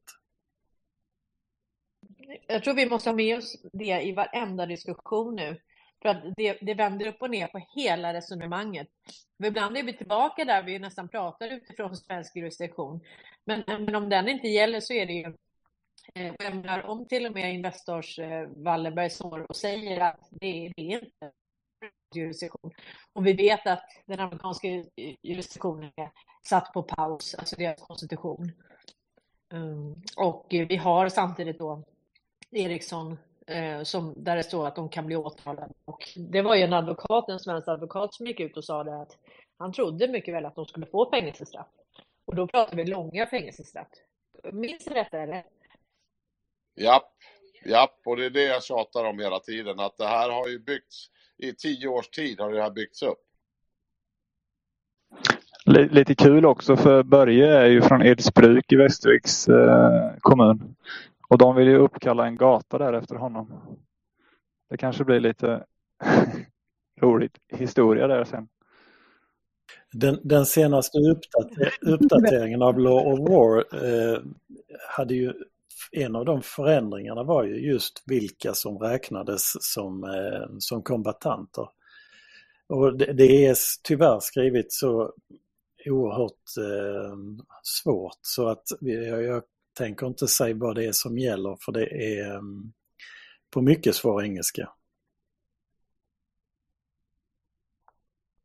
Ja, jag har också försökt att läsa den. Eh, jag försöker bringa klarhet i detta Cornelia. Jag frågade Nationalgardet så eh, där ligger en tweet mitt i där uppe nu där, eh, eh, där Nationalgardet har lagt ut en tweet om att de tycker att det är kul att samarbeta med Sverige och då svarar jag dem Ja men vad kul men nu när ni är här, eh, liksom, eh, är vi, eh, räknas vi som en stat då? För det är deras operationsbegränsningar per, per lag i USA. Det har jag kollat med de som verkligen kan det där. Så det är väldigt udda att nationalgardet är här. Så jag ställde frågan till dem om lite Gustav III och alltihopa det där. Så den ligger mitt uppe i så den får ni gärna retweeta eller ja, fundera på kring lite grann. Och med det så hoppar vi till våran ständigt resande på fot, på snabbfot, Egot Slusk. Varsågod. Halloj på er! Tack för väldigt bra live där Cornelia och, och, och jättetrevligt att höra på allting som ni pratar om och, och jätteintressant det ni pratar om nu. Men jag skulle önska lite mer på den här eh, orgasmmassagen. Vill jag ha lite information om. Eh, och gärna lite länkar om det kan komma upp i jumbotronen eller chatten eller någonting. Det tyckte jag var intressant. Va? Ja, Bianca. Jag tänkte, är det Boka Direkt du vill ha länk till eller? Nej, nej, nej, utan det, det är så här att min, min brorsdotter hon är sånt fan av Bianca. Och, och har döpt sin dotter nu då till Bianca såklart. Mm. Så att jag ville bara så här klämma in några sådana ord inom familjen. Jag skojar lite. Ja. Förlåt. Det är inget Men att det var allt jag om, ville. Ja. ja, tack. Det kommer garanterat länkar där så att eh, det, det är ju något, det, vad kan det vara, ett år sedan eller, eller, ett halvår sedan som det var på tapeten så att säga. Men det, det är ju en del i folkbildningen, givetvis. Det, det kan inte vara någonting annat. Eh, eh, det, Eh, ty tycker jag då. Liksom. Jag tror inte de tyckte det var så jävla kul att det där kom ut och så ska de ändå eh, eh, försöka försvara det då med, ja, på något vänster då. Eh, så är det inte folkbildning så är det ju precis som, som eh, Strand och Cornelia diskuterade innan. Då är det ju eh, ett led i, i, i, i ja, Eh, depraveringen så att säga, om man får använda det ordet, eh, vilket jag tycker väl är, är, är, på sin plats i det fallet. Um, är det någon som tycker att vi ska prata lite mer om det där med eh, bilar och alternativa bränslen och liknande som ni ju var inne på en, en liten stund? Eh, jag tycker det är ett eh, rätt så kul och spännande ämne från eh, ja, av tradition och hävd kan man väl säga då. Så att eh, jag har väl jobbat lite grann med, med sådana saker kan man säga. En gång i tiden. Eh, jag vet inte, är det någonting som ni ja. kände att ni var färdiga med, färdiga med Cornelia? Nej, nu, alltså vi kan prata om det. Jag, jag tänker så här. Eh, vi kan väl prata utifrån att eh, vad vi tror ligger i pipen. För jag menar, det är ju rätt intressant att det här kommer nu. Att det här kom ju egentligen som en blixt från klar himmel. Det stod ju på företagarna.se att eh, nu är det slut med elbilar enligt eh, Toyota. Och det, det är... Um, man kan ju inte låta bli att tänka att det här är en del i att, att man, man börjar släppa på patent helt enkelt.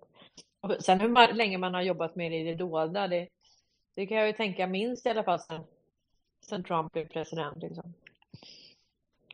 Ja, det här samarbetet läste jag på en eh, amerikansk sida hade pågått i, i, flera år i alla fall, utvecklingen av eh, den här ammoniakmotorn då.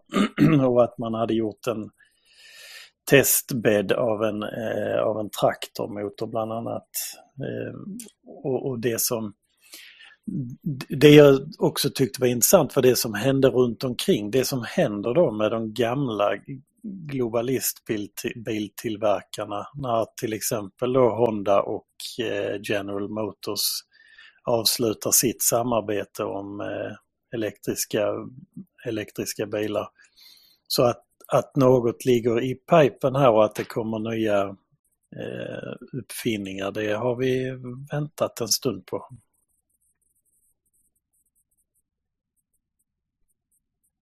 Ja, alltså teknologi och liknande här, det är inga nyheter egentligen. Det är bara det att man tar steget ut och säger att det här tänker vi massproducera. För nu har vi liksom hittat lönsamheten. Eh, vi, vi, har eh, förhandlat med eh, eh, infrastrukturen och så vidare och så vidare. Eh, så eh, för, för, det är också någonting som krävs då. Det du ser här eh, med elbilseländerna då. Ja, det funkar bra om du har eh, dagistransport och eh, kör korta sträckor och sånt där. Då funkar helel alldeles utmärkt. Men eh, det är ju bara funktionen, konsekvensen då för att köra de här korta sträckorna och alltihopa där som det är frågan om där då, där, där de är effektiva. Det, det, det ger, eh, alltså miljökonsekvensen som Strand sa mycket riktigt innan, det, det har man rätt ut eh, gånger 78 liksom vid detta laget och säger det att det lönar sig inte. Det blir värre påverkan på miljön på grund av batteripackar och liknande och sådär. Så man behöver ju ha andra bränslealternativ. Men de här andra bränslealternativen, det har e-, Elon pratat om en hel del också.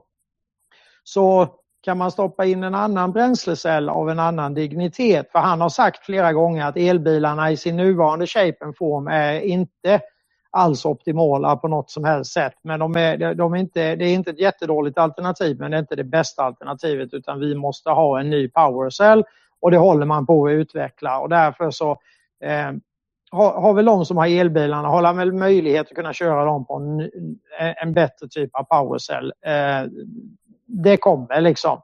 Det är bara det att det är någon som inte man har svårt att se hur man skulle skapa eh, eh, business eller skapa kontroll av det och därför blir det motverkat. Så att eh, så länge det så länge det ser ut på det viset, eh, då är det fel krafter som styr, eller hur Strand? Ja, alltså, vad, vad Toyota har gjort är att de har satsat mer på hybridtekniken eh, och de hade nedskrivit sina prognoser om den första, deras första hel-elbil skulle komma ut 2026. Det hade de tagit bort nu men däremot en miljon elektriska bilar eh, 2027 eller 2028 kommer jag inte ihåg vilket men eh, i framtiden. Och den här, den här motorn, nya motorn då i kombination med en annan bränslecell som du säger, det finns ju mängder med olika nya tekniker för bränsleceller, alltså elektriska så, så kan ju hybrid vara en, eh, i kombination med den här motorn vara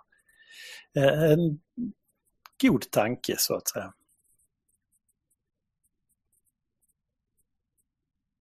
Absolut, det finns, eh, the sky is the limit när eh, patentglobalistmaffian eh, blir puttade lite åt sidan så eh, öppnar sig en helt ny värld för oss och eh, det kommer hända massa roliga saker på den punkten. Det är jag helt säker på. Och det ser vi ju redan nu då, för detta är ju en av dem då. Det där är ju... Eh, man har, man har hållit på lite med, eh, man har snott åt sig alla patent man kan och det, det har funnits eh, eh andra alternativa saker också. Vi pratar vätgas, eh, BMW har hållit på med vätgas hela, hela, hela, alltså hur länge som helst, säkert 50 år vid detta laget. Eh, så, så, det finns liksom varianter på temat där då och eh, eh när man ser, när man får en mångsidighet, en, en multipolär värld i den frågan där man då kan kanske använda sig av Eh, olika drivlinor där, där det är lämpligast beroende på klimat och naturresurser så kanske man kan så att säga eh, skeppa samma bilmodell fast med olika typer av, av eh, energipack då så att säga eller drivpack.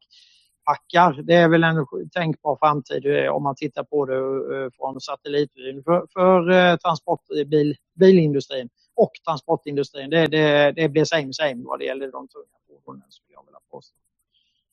Och med det sagt så hoppar vi till eh, Celleluna som har sin lilla tass upp.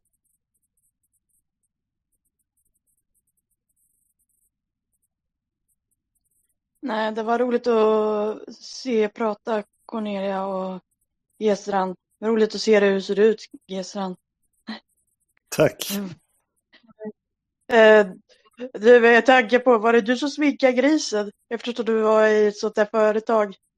Är det du som gör det? Det var det är jag som sminkar grisen. Jag har mycket över. Ja, jag förstår det. Men jag bara funderar när man tänker på sminkindustrin, hur mycket skit kan det vara i det där? Kan det vara grejer som gör... De står ju att säger sig i sminkindustrin och säger att det här ska göra dig yngre, men kan de ha i ämnen som gör att du ska se ut och bli äldre? Med tanke på, jag bara... Jag bara det har jag funderat på en bra stund.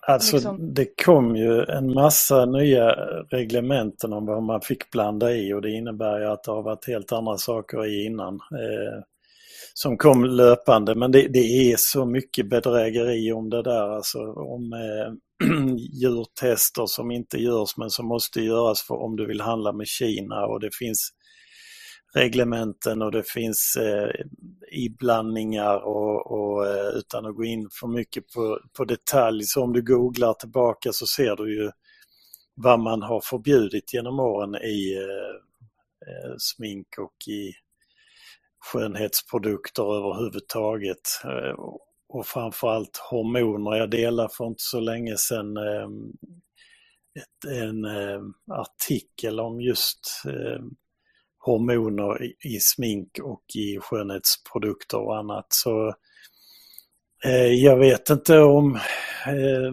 den kvinnliga delen av befolkningen verkligen vill veta men eh, det, är, det är vad det är.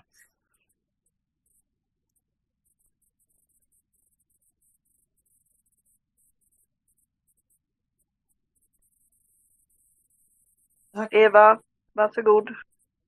Just det där vad det innehåller. Det innehåller inte liksom grejer från gris. Om jag har för mig jag har informerats rätt. Jag har läst lite sånt där. Jag har nämligen varit försäljare av Oriflame som jag slutade med för länge sedan och jag tog reda på lite redan då vad det var för saker.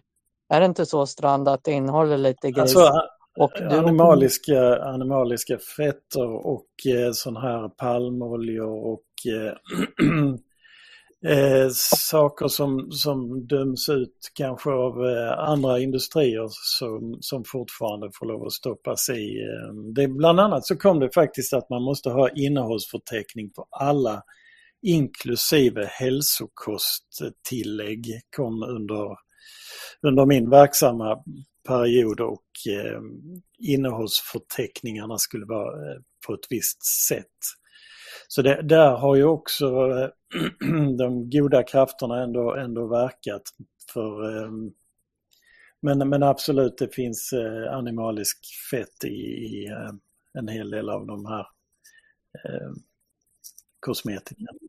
nano, nano, nano, pratar de inte om det sånt? Nano. förbjöds eh, nanopartiklar var också upp för diskussion men det var i, då förbjöd man det av en viss sort men inte den andra. Jag, jag, jag vill bara säga, jag minns inte riktigt eh, alla detaljerna som när man var inne i det men när de här nanopartiklarna eh, så, så kan man ha de nanopartiklarna i olika preparat så att säga. Och då förbjöd man vissa preparat men vissa inte. Så eh, ja, det tog inte många år förrän jag slutade använda solkräm i alla fall.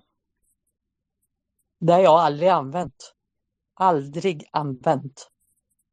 Jag har aldrig använt det utav jag tänk, tyckte att det var konstigt. Jag har aldrig fått problem och tror som säger att jag hittar någonting att det var det som gav cancer, att man börjar smörja på sig, att det är någonting i krämerna. Så jag har aldrig använt det. När, även fast jag var utomlands har jag aldrig använt det. Men jag får säga att du och Cornelia gjort en, gjorde en jättebra eh, grej. Ni gjorde en bra makeover together. Hjärtligt tack. Tack så mycket. Ja, alltså jag, jag brukar dra det där med 1998 när jag fick min första son. Eh, eller det var min enda son, för jag har två döttrar sen. Och då, då stod de alltså, det här var som en jättedrive. Jag har inte hittat någon som minns detta. Men de stod i alla fall på eh, apoteken överallt, över hela Sverige och eh, pratade om då att man hade att man skulle köpa Acos eh, 15 eh, ja, solfaktor 15 För då, då, var det en stor dansk studie som hade kommit fram just det här att de andra fick huden att koka. Så det är som du säger, det, ledde till, då till eh, cancer och allt möjligt. Men det viktiga var att i sol fick alltså att träffa den. Eh, så det blev liksom motsatt effekt då. Sen tog det bara ett år, två år kanske. Sen var det där skrubbat, för här kunde du till och med, de hade alltså skrivit ut och plastat in den här studien.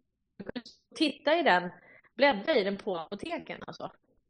Och sen bara var allt det där skrubbat. Och nu när man pratar, ja nu har det bytt så mycket folk, de, de har ingen aning om vad man pratar om.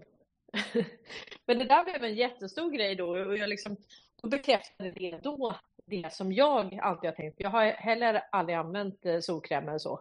Och mina barn har inte heller fått använda det. Så att, eh, eh men är det någon som minns det, det där? Jag, jag minns det. Eh, och jag minns också att det var någonting med, med nano UV-filter. Det, alltså det är rätt många år sedan jag var inne i det där. Men det var någonting med nano UV-filter som man som man använde som, eh, jag känner jag är lite ute på djupt vatten nu men det, det behöll värmen i, i, huden och sen så blev kläderna, förstörde kläderna för de blev svarta och ja, jag vill inte, men jag kommer ihåg det i alla fall. Jag kommer ihåg det med nano, för det var precis som att de här partiklarna det drog till sig solen Precis, istället. vill jag också minnas ja. det och kapsla in värmen mellan nanopartiklarna och huden. Men jag, en stor brasklapp att jag inte minns alla, alla eh, detaljerna kring det.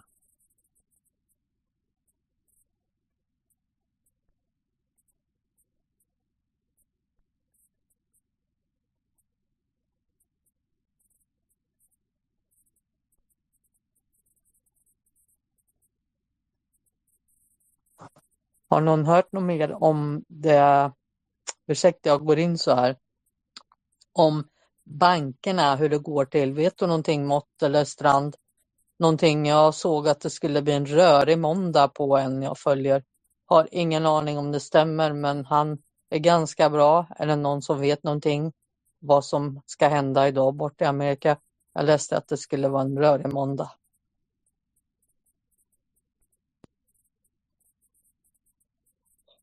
Nej, det har jag inte hört något specifikt om. Men å andra sidan så tycker jag väl att man skyltar upp något djävulskt nu med sina fantastiska förtjänster trots att ekonomin går, eh, eh, realekonomin går på knäna. Det är väl folkbildning på det. Så det och jag menar nu gäller det ju alla eh, medierna som, som verkligen arbetar med, med, med den biten eh, på alla sätt och vis. Så eh, och Cervenka gör väl sitt till nu. Han var ju ute och snurrade nu här sistens också. Så att, eh, eh, eh, det ser väl, eh, alltså rent folkbildningsmässigt här hemma på hemmaplan, så eh, rullar det väl på som det ska, tycker jag då. Men eh, det kanske finns någon som har en annan åsikt. Vad säger Nej, Cornelia? Tycker, nej, jag tycker de kör på väldigt hårt. Alltså nu handlar det väldigt mycket om att fälla förtroendet för Riksbanken. Att Riksbanken då har spekulerat, varit ute på eh, och gjort obeprövade metoder för att hålla uppe ekonomin och, och Riksbanken står och försöker för, försvara det här på något sätt då. Alltså det här är ju folkbildning om något. Va? Nu, nu har ju då, det är precis som att allt det som har kommit om bankerna och det här som, som ska sticka i ögonen, det är precis som att, att det, det, liksom, det blir inte riktigt den där genomslaget hos befolkningen tror jag. Och det är därför man kör på liksom. Så nu tar man ett lite annat grepp och, och det handlar också om eh, rollfördelningen där mellan Riksbanken och de privata bankerna. Eh, så att jag tycker också att det rullar på, men jag tycker att det, är, jag tycker att det går trögt och jag tycker att, eh, att jag vet inte riktigt eh, liksom eh, är, är det liksom de tjänar en tri, triljard i, i kvartalet, hade det hjälpt? Nej, men det, det, inte ens det hade hjälpt. Va? Så att vi, vi, vi, vi, vi, är, eh, vi är immuna eh, till viss del. Så vi får se hur den här biten nu då med, med Riksbanken och det man rullar upp där i, i media efter media. Då. Jag läste i morse att man hade reviderat de svenska BNP i alla fall tre månader tillbaka och det gick minus och i något läge så räknas det ju som, eh, som recession. recession. Eh, och eh, det stod i Dagens Industri att man hade reviderat BNP-siffrorna.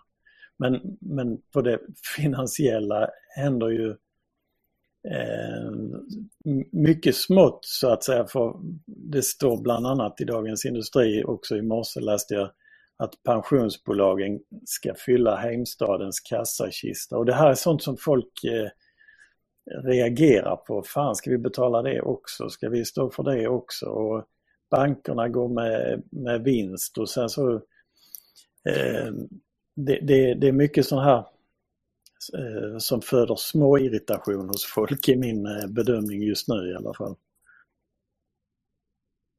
Men det sitter hårt inne att erkänna skuldmättnad och Cervenka är ju fortfarande grindväktare när han, när han låtsas bli så förvånad över saker och ting.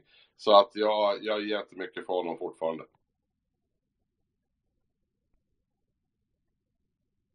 Nu, nu kommer ju, nu kommer ju eh, Elon Musk hit och förstör hela vår, vår fantastiska arbetsmarknad och arbetsrättsliga regler och eh, Ehm, det här avtalet, eh, vad heter det nu?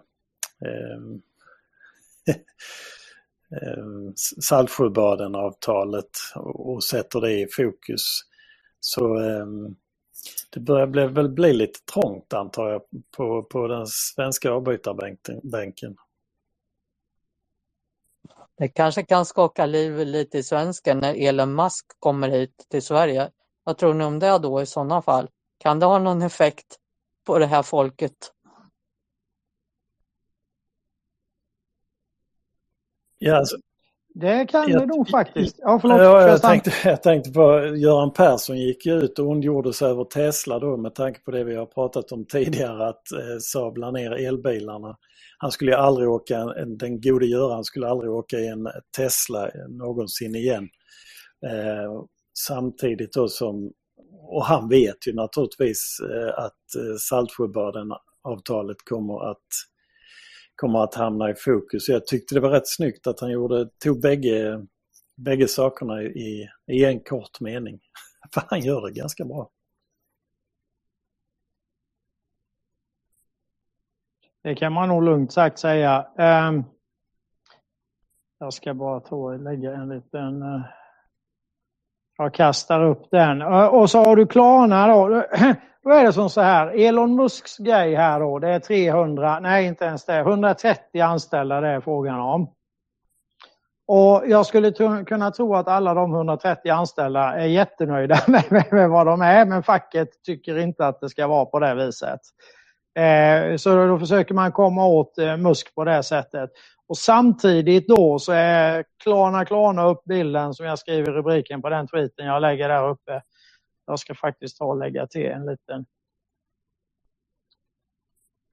en liten bild på den tror jag. Eh, för Stefan Löfven kunde ju inte eh, hålla tyst om detta heller. Jag måste bara säga, alltså jag råkade ha liven bakom på X, alltså så att eh, ljudet var kaos på Youtube. Nu har jag stängt av ljudet, så nu är det bara Twitter. Jag ber så mycket om ursäkt och som kommer som vanligt ladda upp eh, hela det här eftersnacket i efterhand. Vi, vi kan ju passa på att informera om att eh, när du lägger ut, eh, om du gör det på Youtube eh, Cornelia, när du lägger ut länken där så kan man gå in och lyssna utan att man har Twitterkonto ens en gång. Eh, ja, mer eller mindre. Så lyssna. Men då, det, jo, men då, jag tror att de tycker det är lite gött att skriva med varandra. Det brukar vara bra aktivitet så. Men, men nu hade jag då på liven bakom själva Twitter Eh, jag vet inte hur det hamnar på. Det var inte på innan, men eh, nu är det av i alla fall. Ja, du, får hjälp, du får lite hjälp med din elektroniska utrustning du också. Eh, det är bara att vänja sig. Eller vad säger du Strand? Och sen hoppar vi till Tony. Ja, jag undrar om det inte börjar bli dags för att, eh, att det kommer upp nu om alla våra onödiga tjänster och tjänstemän och, och, och, och myndigheter och, och all, alla människor som är jävligt onödiga i vårt samhälle som sitter och får betalt för det. Alltså jag, jag, känner att, jag känner att det är något på gång här nu med det.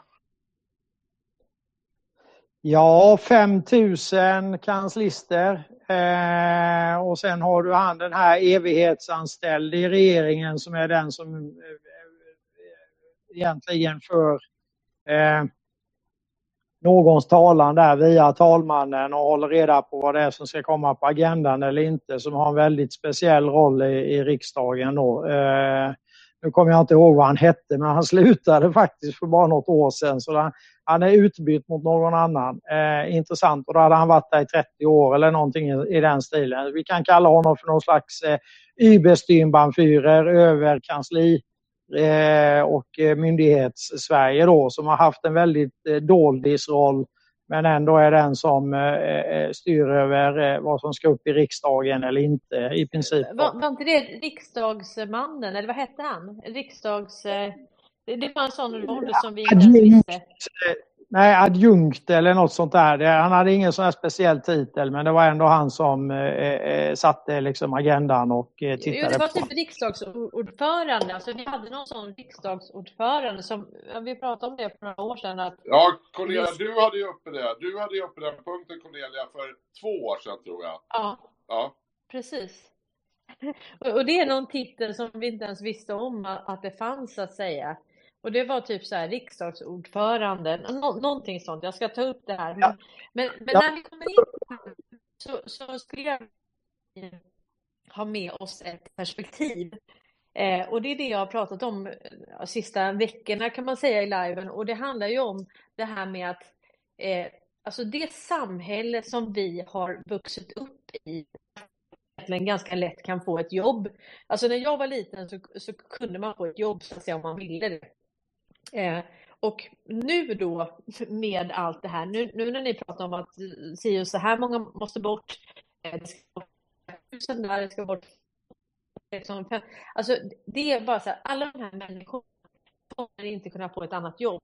Så att när det blir att man kan landa mellan stolar och de stolarna blir för många, till och med har högutbildade som aldrig haft ett jobb 30 år, eh, och, då, det här tyder bara på, inte bara fail state, men det tyder också på att det samhällsbygge som vi har det är inte relevant. Det är inte relevant. För att kunna städa upp du laggar fortfarande som fasiken Cornelia. Ja, du laggar mycket. Eh, men Cornelia, jag har, jag, har, jag har en idé där som du kan spänna vid, spinna vidare på så blir alla nöjda inklusive eh, eh, återställ våtmarkerna. För mm. eh, vi har en hel del våtmarker som faktiskt skulle kunna återställas och en hel del skog också för att rädda livet på de sista älgarna som de håller på att utrota. Så där har vi, det finns avsättning där för manpower, det är inget problem. Man kan eh, göra det med man kan göra det med enkla medel också så att säga och eh, under överinseende. Så vi har, det finns så mycket skog och så mycket våtmarker som behöver grävas om och fixas om. Och kunde vi gräva kron... Det finns människor som behöver fixas också. Det där var det dummaste jag hört. Alltså det finns hur många människor som helst som är ensamma, som har behov, som behöver hjälp på olika sätt. Så att jag håller med dig mot att det, och hur mycket som helst. Men jag, jag menar så här, det här som vi har byggt upp nu, eh, det är liksom inte relevant så att vi behöver få igång första januari den här utbetalningsmyndigheten och sen behöver man ha någonting som är eh, ja, men som täcker det mest basala i, när man städar upp det här för att för man har ju bara, man har ju bara öst in människor här. Ja, men tänk dig alla dessa myndigheter. Vi, vad hade vi? 480 myndigheter. Vad gör alla dessa? Exakt, och hur, hur effektiva är de? Alltså alla ungdomar ska idag bli chefer eller, eller höga tjänstemän. Det är deras, det är deras liksom högsta önskan. Men vi måste liksom ta ner det här på nivå igen. Att vi behöver folk i alla grader, från nerifrån och upp. Och där, alltså det, det systemet som vi hade för länge sedan som kallades för lärlingssystem, det var ett jättebra system. Ja, men alltså, man, man kan väl säga så här, vad gör folk? Ja, men för det första så vet de inte vad de själva gör och för det andra tittar de bara på klockan när de kan flexa ut. Alltså jag raljerar lite, men alltså det ligger mycket sanning i det jag säger. Tro mig, alltså folk vill bara smita, smita hem, smita iväg, smita. Yes, det var det bästa du har sagt idag Cornelia. Fan vad bra! Jag har sagt det i många live faktiskt. Precis det här. Folk, folk vill inte jobba, ingen vill ens vara här. Och det är samma sak i skolan. Ingen vill vara där, inga lärare vill vara där, inga elever vill vara där. Ingen vill vara på skolan. Så det är bara, stäng ner skiten. Det, det, gäller inte riktigt över hela linjen Cornelia. Många av dem som jobbar i eh, hantverksyrken, i industrin och liknande eh, sätter en stor ära i sitt arbete och sitt yrkeskunnande och liknande. Ja, så, som du säger så, så är det nog vad det gäller skolan och det där och så. Där, jag menar, vi vet vad den preussiska skolan eh, har gjort och eh, införandet 1944 med Hitlered av, av densamma då, av herr Welander och kompani. Vi vet vad den har gjort med befolkningen. Det är inte tu på tal om det. Så... Jag raljerar vännen, jag raljerar och det är klart, man, man måste få raljera lite. Och det är ju så att om du ringer till myndighet så är det alltid telefonsvar att de har gått för dagen eller de är i möte och så. Alltså eviga möten som aldrig tar slut. Och jag menar, vi har ju haft både på Skatteverket, de sitter och ringer, ringer sig själva i hundra timmar liksom. Vad är ja. det tecken på? Nej, ja, men alltså, jag, jag, tror ju att detta gäller väldigt många eh, eh, tjänstemän och i synnerhet eller folk som är på, på, på Eh, kontoret och liknande då. Eh, I synnerhet inom offentlig sektor då givetvis och i fallande grad i, i, i, i den privata sektorn. Eh, det, det, är min uppfattning om det så att säga. Mindre industrier, vilket vi har väldigt mycket av här i Sverige. Det är det som är basen här på Sverige, i svensk industri. Det är inte de stora drakarna. Det är underleverantörerna som, som, som gör olika saker till företag runt om i hela världen.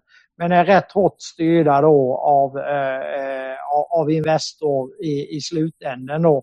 Eh, så att industribasen den, den, eh, den, den är fortfarande god även om den, den eh, den är lite knackigare nu. Men, men, en, men en, en, ty, en, tysk skola ger väl en tysk arbetsmarknad och, och vi kanske får omvärdera vikten av arbete i, vår, i våra, våra liv.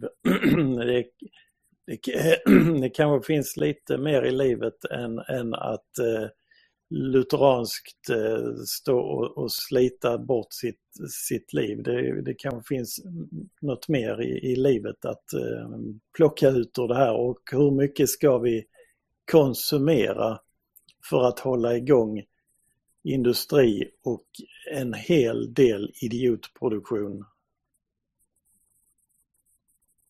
Ja, det finns ju en hel del onödigt, det kan jag hålla med dig om. Samtidigt så är det ju som så här att, att ställa om då det militärindustriella komplexet som finns där.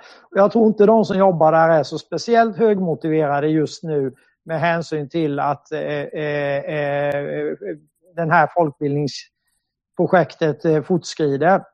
Den är inte svår att ställa om till att göra andra bra saker för jordbruk, för vattenrening, för vad som helst. Då, va? Och, och det, det, är skrämmande när man tittar på eh, ABB har ju redan eh, switchat om. De har inte hållit på med vatten så där speciellt jättelänge egentligen. Alltså inte vattenrening och vattensystem i den bemärkelsen. Hydropower har de ju hållit på med sedan the get-go. Eh, för, för eh, de uppmärksamma lyssnarna här så, så, eh, så, vet vi ju det att vi var först ute med att föra över el på industriell skala och sen har man hållit i den taktpinnen globalt från den dagen och framöver i princip. Då. nu gömmer man det under eh, sammanslagningar med Hitachi eller liknande och sådär. Jag har skrivit eh, som vanligt sådana mastodontartiklar om det som de flesta inte orkar läsa men det kan vara läsvärt så för att, att gräva sig ner eh, i, i den biten då så att säga så att man står stadigt på det. Nu ser jag att vi har en ny talare uppe här, vad kul! Jag, om inte Cornelia eller Strand har något att inflika på mitt lilla anförande där vad det gäller det så hoppar vi givetvis genast till Henry. Vad kul!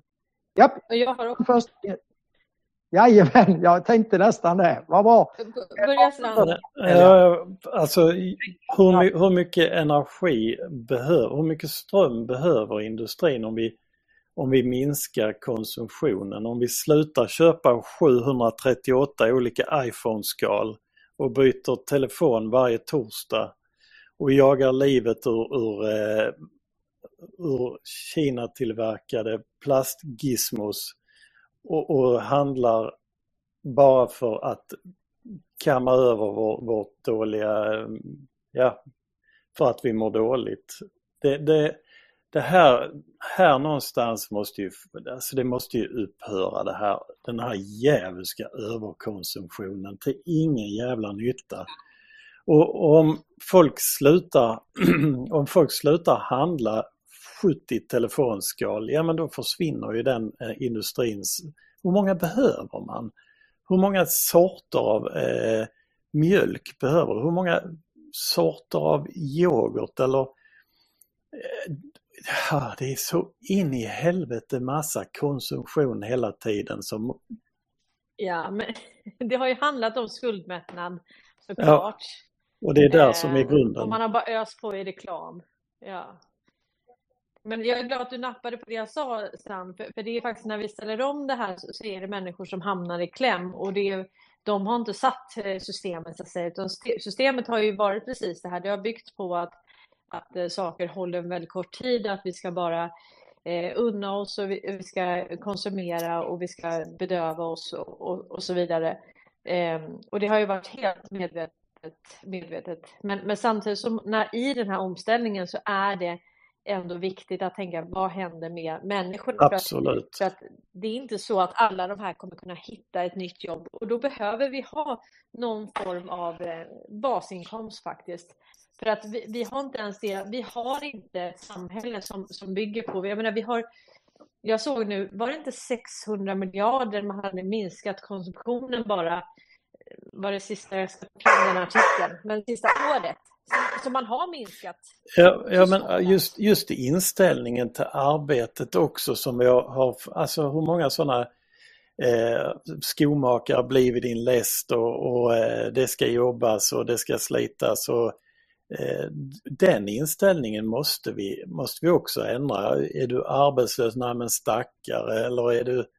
Det, är hela vår existens i det här landet går ut på vår titel eller hur många timmar övertid vi kan få ut och därmed berika oss själva. Det är ju här någonstans som bryt, brytningen ligger in på individen, att vi måste förändra det här.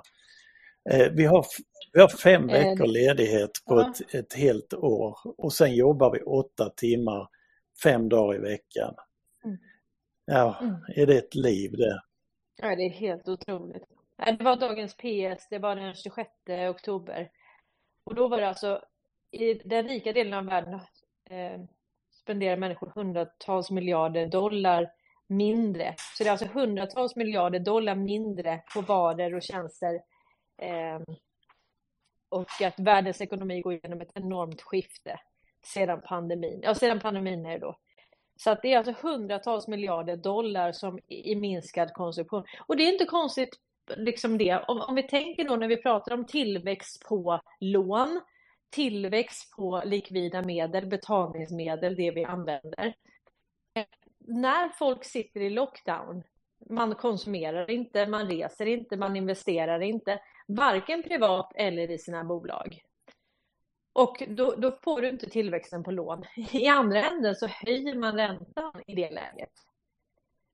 Och då kan man säga så här, ju mer de höjer ju snabbare har vi en kollaps. Men alltså kollapsen måste ju redan vi lever i kollapsen. Ja, när, när man måste hålla fastigheter, när mäklare måste undanhålla fastigheter, när, när lägenheter måste stå to, tomma för att de ska hålla upp priserna på fastigheter eller på hus eller lägenheter eller vad, vad det vara månde. Och sen så ligger folk på gatorna och, och fryser ihjäl i det här landet eller eh, inte har mat för dagen och så vidare. Alltså det är så snedvridet så att det, det, det är groteskt att stå och bara titta på det. Jag, jag vet fastighetsbolag som har jättemånga tomma lägenheter som de inte får uthyrt för att det är en nyproduktion som då kostar för mycket i hyra och så vidare. Sen kan folk ligga och sova på gatan utanför. Alltså, vad, vad är detta? Ja, jag håller helt med det du är inne på Strand och jag kan säga så här. Jag fattar inte.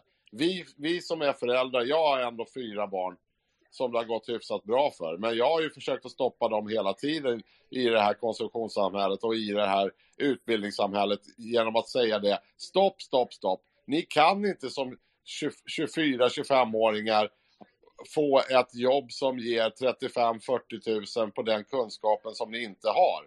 Ni måste skaffa er grundkunskaper som gör att ni kan, ni kan liksom förstå vad det här handlar om och inte handla om att, att ni ska ha en lön så att ni kan ta lån så mycket som möjligt. För det bara skapar ett problem längre fram för både er och hela samhället. Och nu är vi där. Ja, där, där är ju fokus att, att hela tiden berika, berika sig själv och, och sätta sig själv före, före andra. Men faktum, faktum kvarstår. Om du, om du tjänar 40, alltså det systemet är skuldmättat. Om jag får en ny lön på 150 000, vad fan ska jag med det till? Systemet är skuldmättat, pengarna har inget som helst värde mer än vad vi låtsas själva att det har. Och hur länge ska vi låtsas att det ens har ett värde när det är de facto skuldmättat? Så länge, så länge vi bedrar oss själva så, så kommer det bara bli sämre och sämre och sämre. Jo, men, men, samtidigt så är det ju så här också att, att det är skuldmättat. Men, men samtidigt har du de här jättelönerna, de här pengarna som var skyfflas på veterinärer och så. Det är ju i viss mån helikopterpengar. Alltså hur ska du få ut pengar i ekonomin? måste du hitta sätt alltså, att få ut där har vi ju, och man kan faktiskt vara väldigt ung och jobba inom sälj ja, och, och tjäna bra så att säga. Och, och, det där är ju också så, det där är också by design ju såklart, för då har du ju andra i samma ålder som, eh, som också strävar. Titta, mina har ju tittat på, ja du vet, det är jullov och alla ligger på en strand i, i Thailand eller åker skidor. Och så kommer nästa lov och alla är utomlands. Och, och så bara, nej men alltså vi kan inte åka utomlands varje år fem gånger per år som dina kompisar gör. Och, och det där, så att det är inte bara konsumtion utan det är ju den här likviditetsförsörjningen. Och, och vi, hade man verk, verkligen velat likviditetsförsörja det här systemet så hade man gett pensionärerna uteliggarna så att de kan överleva och klara sig. Det, de kan ju börja där i alla fall.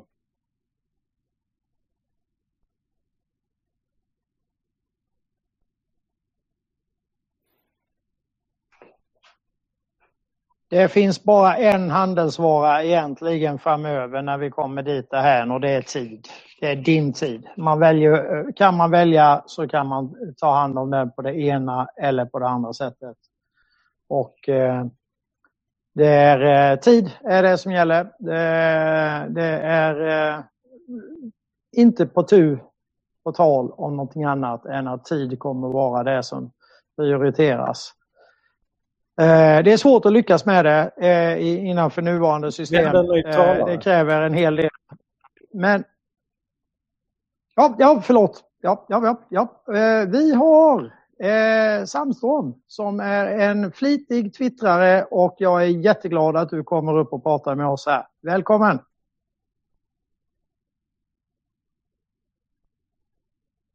Han du måste trycka på mikrofonen och den har du till vänster i bild så att den skiftar från... Eh... Nu har jag fattat. Varsågod. Tack så mycket för välkomnandet. Det var kul att, att vara här tycker jag. Kul att höra Strand idag också. Så jag, jag har lyssnat lite grann här varje dag. Men idag kände jag att jag, jag måste bara prata lite om det här med, med jobb och uteliggare och så. För jag har jobbat som socialsekreterare sedan 1989.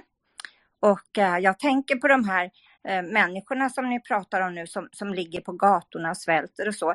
Det är ju för att socialtjänsten har ju sina regler på försörjningsstöd och många av de här som ligger där har ju något slags missbruk och kan inte, de kan inte söka eh, något försörjningsstöd för de klarar inte det för att de har sitt missbruk och de klarar inte att bli rena och kanske inte gå med på behandlingar och gör som en socialsekreterare säger att de ska göra och då blir de utan pengar. Och det är ju ett slags utslagningssystem nu, både med sjukförsäkringarna, det kanske ni vet. Min dotter har jobbat tre år på Försäkringskassan och jag då som socialsekreterare sedan 1989, så vi vet vad som sker. De vill putta ut oss från det här välfärdssystemet och det, det finns som ingen hjärta från, för myndigheterna att, att en missbrukare ja, går ut och, och, dör på gatan. För det, det man får liksom skylla sig själv när man inte kan följa reglerna. Och det, det är en kall situation som har uppkommit och det var, det var mycket varmare och hjärtligare förr. Och jag har sett hur det här bara har skärpts mer och mer, plus att de lägger på oss tjänstemän mer och mer arbete. Vi får en orimlig situation så att man ligger hemma och eh, ha, ja, hyperventilerar helt enkelt och känner att man till exempel som barnhandläggare har ansvaret över liv som man inte ens kan tillfredsställa. Man jobbar över och, och jag kan säga det, jag vill inte jobba mer. Jag hatar mitt jobb, men jag skulle mycket väl kunna tänka mig att göra något annat. Men det där kommer jag aldrig mer att göra.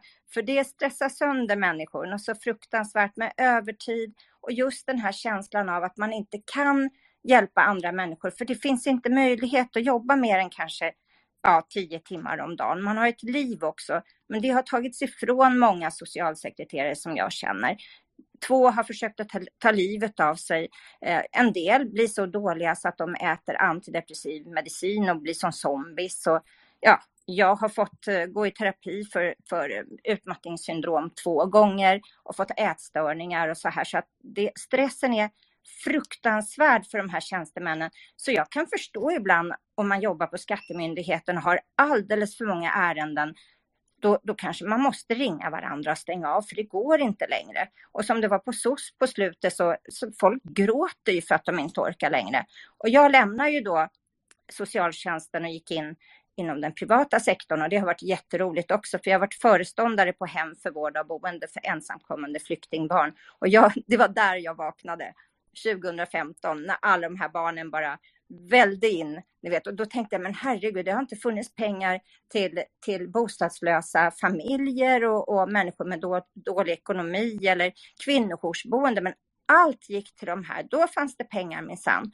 Så att det, ja, det, jag ser ju hur, allt det här, hur, hur det har hänt. Alltså de har ju stramat åt. Det är agendan tror jag som, som har gjort det här. Vi, våra människoliv är inte värda något mer, utan vi, nu ska vi jobba till 67 också. Och jag är glad att jag slipper det, för att jag har hoppat av innan.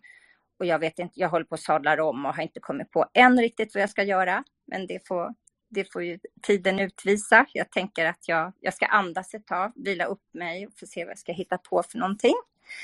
Ja, nu har jag pladdrat på ett tag och eh, ja, Tack för mig. Om jag kan, om jag får fånga upp vad, du, eh, vad du sa där så, alltså jag tänker alltid, kan, kan det vara gjort medvetet? Kan det vara gjort med, med vett och vilja? Att hålla en del äh, arbetslösa, en del fattiga, en del på gatan och så vidare för att verkligen elda på de andra 50 procenten då som förväntas jobba ihjäl sig som är så att säga duktiga idioter i systemet. Det skulle ju mycket ja. väl kunna vara ett, eh, so, den svenska social, sociala ingenjörskonsten som har drivit oss dit. Och det är inte bara socialsekreterare, jag själv hade ju tre tjänster samtidigt. Reste som en dåre över hela Europa och, och jagades i cirklar och innehade tre tjänster. Alltså det, det har ju eh, det, det är ju social ingenjörskonst det här och sen så ska vi då titta ner och se uteliggarna och så ska vi då vilja jobba några timmar till för att vi ska vara rädda för att hamna där de hamnar. Det, det är ju en konfliktkuliss som är briljant för att eh, tar slut på, på människor. Och det är, det är här någonstans vi måste bryta detta. Det är min input på det, Sandstorm. Tack! Ja, jag vill, jag, vill, jag vill haka på Strand där och säga det att, att, eh, att jag har ju haft mycket med det här att göra, fast på andra sidan, jag har inte suttit på socialtjänsten, utan jag jobbar mycket emot socialtjänsten på den privata sidan. Och jag kan ju säga så här, varför har inte systemet eh, eh med socialtjänsten uppsökande verksamhet, där de hjälper folk? Där de, där de puttar in dem på kontoret och säger, hej, jag ska hjälpa dig, kom här. Och det är lite krångligt att fylla i papper och grejer, men jag ska hjälpa dig med det här. Alltså, Alltså det, det, det är ju helt sjukt eh, att inte folk ser det här. Jo, får jag prata nu? Absolut. Ja, absolut. Varsågod. Jo, det finns ju uppsökande verksamhet också, men den är så pass liten så jag tror inte att det är så få anställda. Och sen finns det sådana här eh, om, så, ombud också som hjälper människor. Men det, jag tror att människor har svårt att hitta de här ombuden och det tar lång tid innan ja, de, de får den informationen hur man ska säga och det borde ju socialsekreteraren också informera om men vi får inte lära oss det. Det är likväl ja, det här med överklagande, att man ska informera om det. Det hoppar ju en del också över när, när man ger avslag till klienter. Det kommer bara en liten skriftlig, ja, skriftligt i brevlådan då ett beslut och, och då, människor orkar som inte sätta sig och skriva så de behöver hjälp ibland. Och jag har hjälpt människor att överklaga då jag ja, det, det hör ju till att man ska göra det tycker jag. En del har faktiskt fått rätt sen att socialtjänsten har gjort fel. Så jag tycker att det är, det är jätteviktigt att satsa på människor, men i den här stressen så blir människor så betydelselösa och det är precis som att alla blir mer och mer egoister. Jag tror det är som blir som grisar som liksom stressas. Till slut så byter man knorr med, av varandra och blir väldigt känslokall. Och det där har jag faktiskt upptäckt själv, att, att jag tappar den där medmänskligheten. Jag har inga engagemang längre, för jag, man blir så utnött på insidan så att det, ja, när man är nära in och, och slår i kaklet så finns det inte mer över för att kunna hjälpa andra. Så det, det är jättesorgligt att se. Men jag tror det är ett människoplågeri som de har fått oss in i och, och ärendemängden har ju verkligen ökat sedan 1989. Dessutom så får man ju göra allting själv. Eh, det finns inga sekreterare kvar, det finns datorer, allt ska skrivas och, och det är dubbelt så många ärenden. Förr hade vi socialsekreterare, alltså sekreterare, vi kunde skriva för hand bara och lämna in lappar. Så var det en socialsekreterare, eller en sekreterare som skrev rent fint med paragrafer och allting. Så kunde man prata med människor och ta hand om dem. Men den administrativa delen har ju ökat jättemycket så vi får göra allt själva och dessutom så har ärendemängden ökat. Och det, det, det går ju liksom inte ihop sig så det är klart att det blir fel och att människor får lida. Ja, jag är klar. Jag, jag hävdar att det är gjort med vilja, det vi, det vi upplever nu. Sen om, om folk ska lära sig eller om man har, hade en annan tanke från början, men att att den situationen vi sitter i skulle vara eh, av en slump och eh, inte av eh, naturligtvis egennytta också som driver och tjänar mer, har mer i lön och jobbar lite extra och köper nya finare, dyrare bil och större hus och så vidare. Så, så det är ju ett tveeggat svärd men det är precis det här som, som jag, jag, menar att man har gjort det här med vilje och någonstans måste vi liksom eh, trampa på bromsen och, om vi ska ens ha ett liv. Jag hugger på Strand där igen och säger så här. Eh, du, du är helt rätt på bollen. Du har förstått att det här systemet, systemet som vi lever i inte fungerar utan det, det bara accelererar hela tiden för att förstöra mänskligheten och för, för att förstöra oss människor. Vi måste gå ihop och, och komma ner på golvet igen och hjälpa varann. Hjälp dina grannar, hjälp dina närmaste. Det är, det är grunden till allting. Eh, sen kan vi börja bygga på ett nytt system, för det här kommer att falla så det bara stänker om det. De vill ju få in oss i den här ekorrhjulet som inte ska tänka och se vad de håller på med. Och jag förstår att Sandström har haft det jättejobbigt. Jag skulle inte, jag vet hur jag hade på mitt jobb det var det, finns så överallt. Alla jobb är ju sådana så att man inte ska se vad som händer. Jag slogs med mitt företag Ericsson Och de var inte roliga de heller, så jag förstår Sandström att hon har haft ett jättejobbigt. Skulle inte vilja haft det heller. Så att de vill ha att vi ska må så här dåligt och börja med tabletter och knark. Jag tror det är grunden till att de vill slå ut folk och slå ut folk mot varandra. Vi ska inte se varandra, vi ska inte bry oss, vi ska inte vara medmänskliga. Det, jag tycker inte det här är mänskligt, inte för någon. Och jag vet ju läkarna hade ju läkarsekreterare för det har de inte heller. Så att Sandström har helt rätt. Ja, det är ett jäkla människoplågeri bara. Det är klart jag, jag kan önska, jag ber till Gud ibland att låt det rasa så vi kan börja bygga om. Men ja, det är det här som håller mig uppe i livet just nu. Att, att få höra er idag. Vad kul att höra dig Eva igen.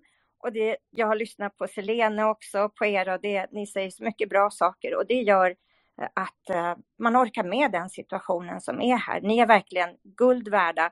Och jag tror att eh, vi kommer att, att, se förändringar. Det känns som att det händer lite positiva saker hela tiden som ni, ni informerar om och som jag ser på Twitter och det, det är det som jag tycker är, ja, det är det bästa. Att vi, vi är på väg mot bättre tider. Jag tror det i alla fall. Det är vi, för att jag och min dotter har dragit åt mått och många andra här. Vi har informerat så mycket. Jag var ute i amerikanska space och vi har fått upp trådar där ganska tidigt. Där gjorde jag och min dotter otroligt stort mycket och mått och alla här. Så att eh, det känns som att det är på gång över alla engelsktaliga länder också. Men det var kul att höra din röst igen, Sandström. Tack, tack. Tack detsamma. Ja, och eh, att, att, eh, att vi hänger här med varann och, och hos Cornelia och hos alla beror ju på att vi har ju en samsyn på hur det här samhället är byggt och hur det, hur det inte kan fungera och hur det inte kommer att överleva. Men vi vill överleva. Så att jag är jätteglad Sandström att du hänger med oss här nu. Jag tycker det är kanon. För att, för att ju fler vi blir, ju fler vi är och ju, ju större kunskaper vi, vi får. Eh, vi, ha, vi har enorm kunskap i våra grupper. Eh, jag skulle vilja säga att vi är top of the line alltså. Men, men, men det, det betyder inte att vi ska slå oss själva för bröstet utan det betyder att vi ska hjälpa varandra, hjälpa våra närmaste, hjälpa våra grannar så att folk överlever det här. För då kommer vi in i ett nytt, nytt perspektiv och ett nytt, nytt sätt att se saker och ting och ett nytt sätt att och, och, och, och, och bygga, ett, bygga ett bättre samhälle. För det, det tror jag på verkligen. Det gör jag också. Eh, jag tror verkligen på det och det gör Cornelia också. Och eh, eh, Sandstorm. Bara så, men eh, ett litet exempel där nu då att eh, Halper Hayes kommer och sätter sig ner med Cornelia då. Där börjar vi se ett spelskifte som går iväg åt rätt håll.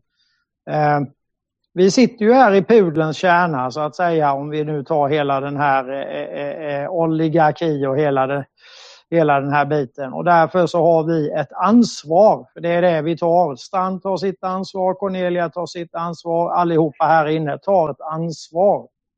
Och det är en stor skillnad mot tidigare, eh, eh så att säga, att det är så pass många nu som gör det. Vi har rätt så många som lyssnar på oss, eh, troligtvis fler än vad vi ser i statistiken.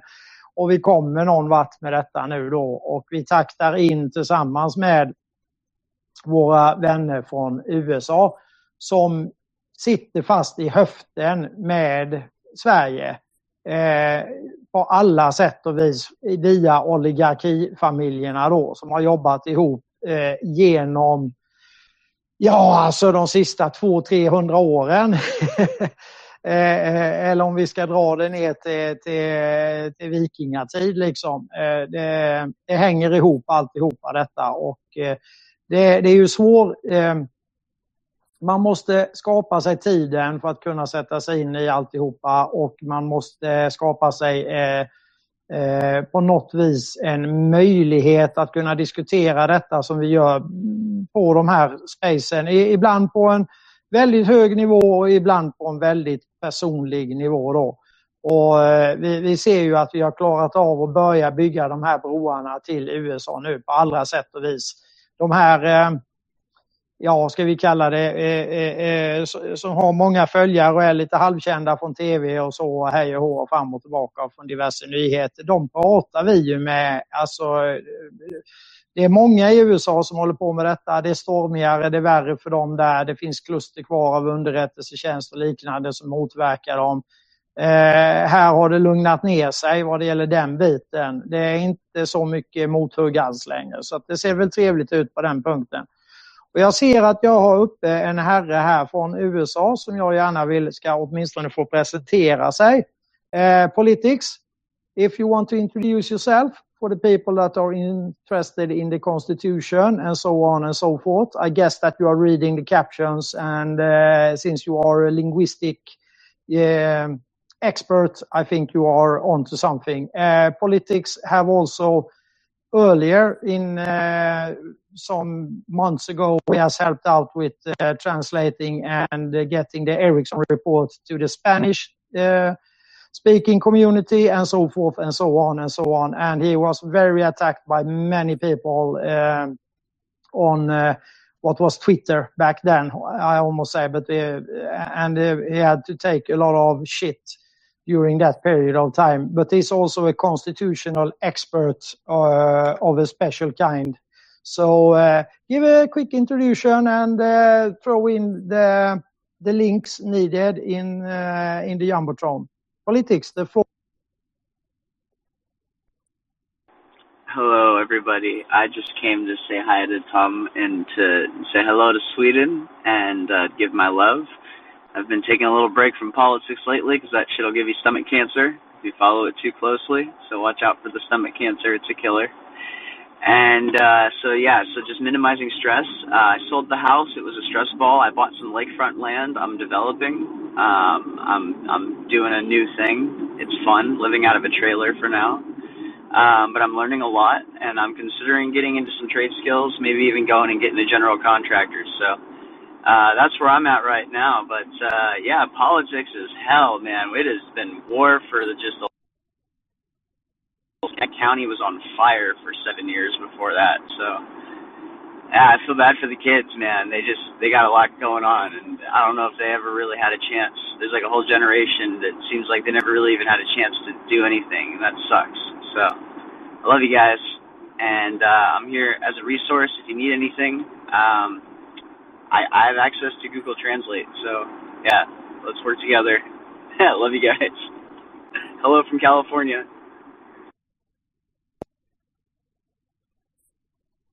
Thank you, Politics. You are a hero. I hope that you can keep your health and uh, stay in the new project. And uh, please share in the uh, in the Purple Pill or in the Jumbotron the excellent work that you have done before.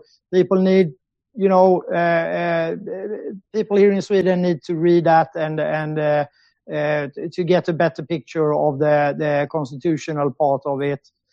you know what I say about the constitution? It is a piece written to counteract the deep state, the oligarchy of that time, which still is pretty much the same. Uh, and it's a very good document with regards of that even if it has been stormy times for for uh, for um, in the US and so forth. So so please share that because that knowledge you have you and your people have have uh, provided and the understanding of it or recognition or comprehending I should say understanding is not the the, the right word.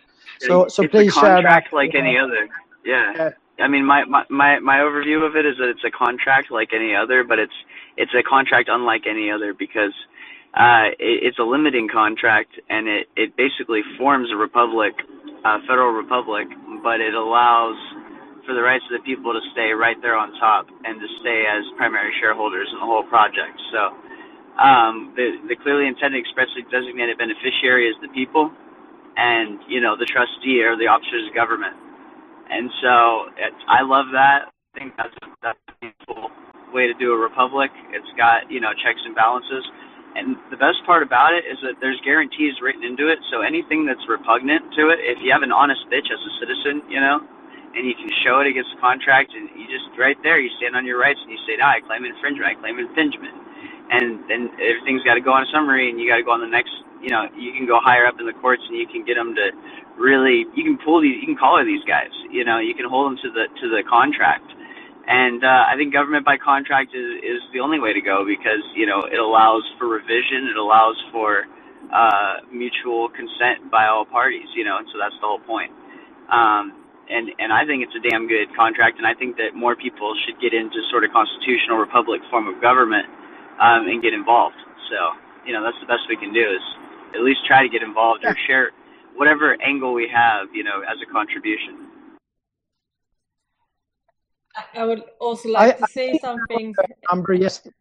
if you allow me, Tom. Uh, uh, uh, hang, hang on, Cornelia. Of course, uh, it's uh, your after space. I'm, I'm just going to add a little quickly, quickly there. So, right now, it's about 25 million people in the United States, according to the people that works with this, you know, that have become state citizens. They don't like the word citizens, but they, that's the most commonly used. So, so you, you can recognize the, the wording here. That means that you step out of the system and uh, uh, partly, uh, and it's a process you can, and, and it's just because that the constitution is what it is. So you can relieve yourself from the corporation and 25 million people, that's quite a lot actually. And more and more are doing it, and that is a good trend. So, Cornelia, of course. Uh,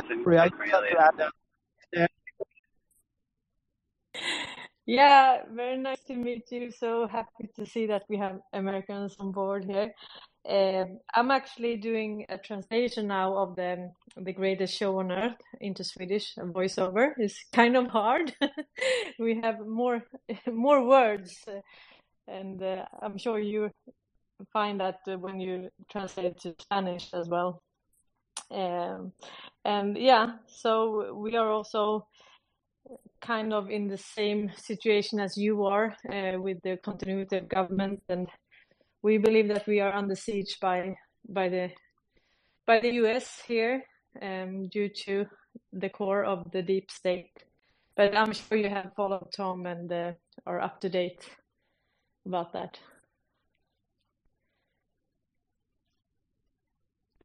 Oh, yeah, absolutely. Uh, no, yeah, I mean the cog cog is the government is always looking out for its own self interest. It, it, I mean, it's clear that many state governments have relinquished and abdicated any and all sense of duty to the people, to their publics that they serve, and have just kind of gone all for broke, you know, on the greed and the the Yeah. you know self-aggrandizement and and so that sort of seems to be the the way of career politics, which is why I think you know uh knowing people like getting people to read the contract to read the the warranty you know what i mean on their Mm. on their product here you know? And and yeah the state citizen thing that uh tom brought up is actually true. Like i refer to myself as a california state citizen.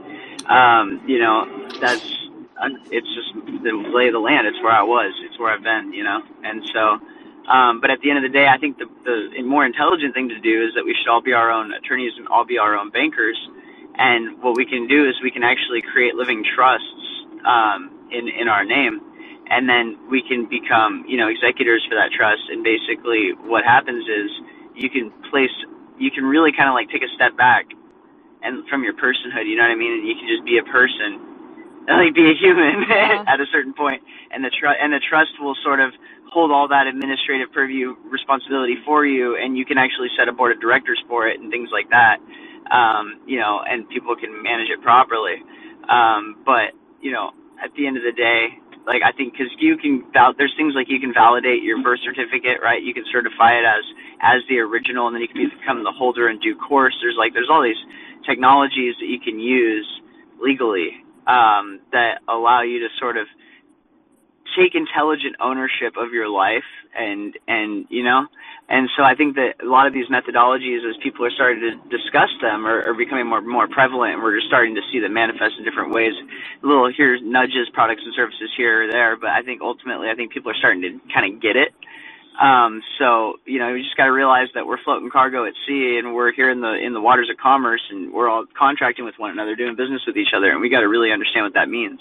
And so I think it's important that everybody become their own, become well learned on you know, and find as many mentors as they can when it comes to things of the law and it comes to matters of business and matters of commerce and matters of banking. You know, I think these are, um, you know, I think Henry Ford said, it is well indeed that the people of this nation do not understand how their uh, monetary system works. For they did, I fear we would have a revolution by the morning. Like, you know, it's that's pretty much what's going on. So you can, uh, like I said, living trust is really a great way to do stuff, and just build your estate. You know, plan your estate and build it out.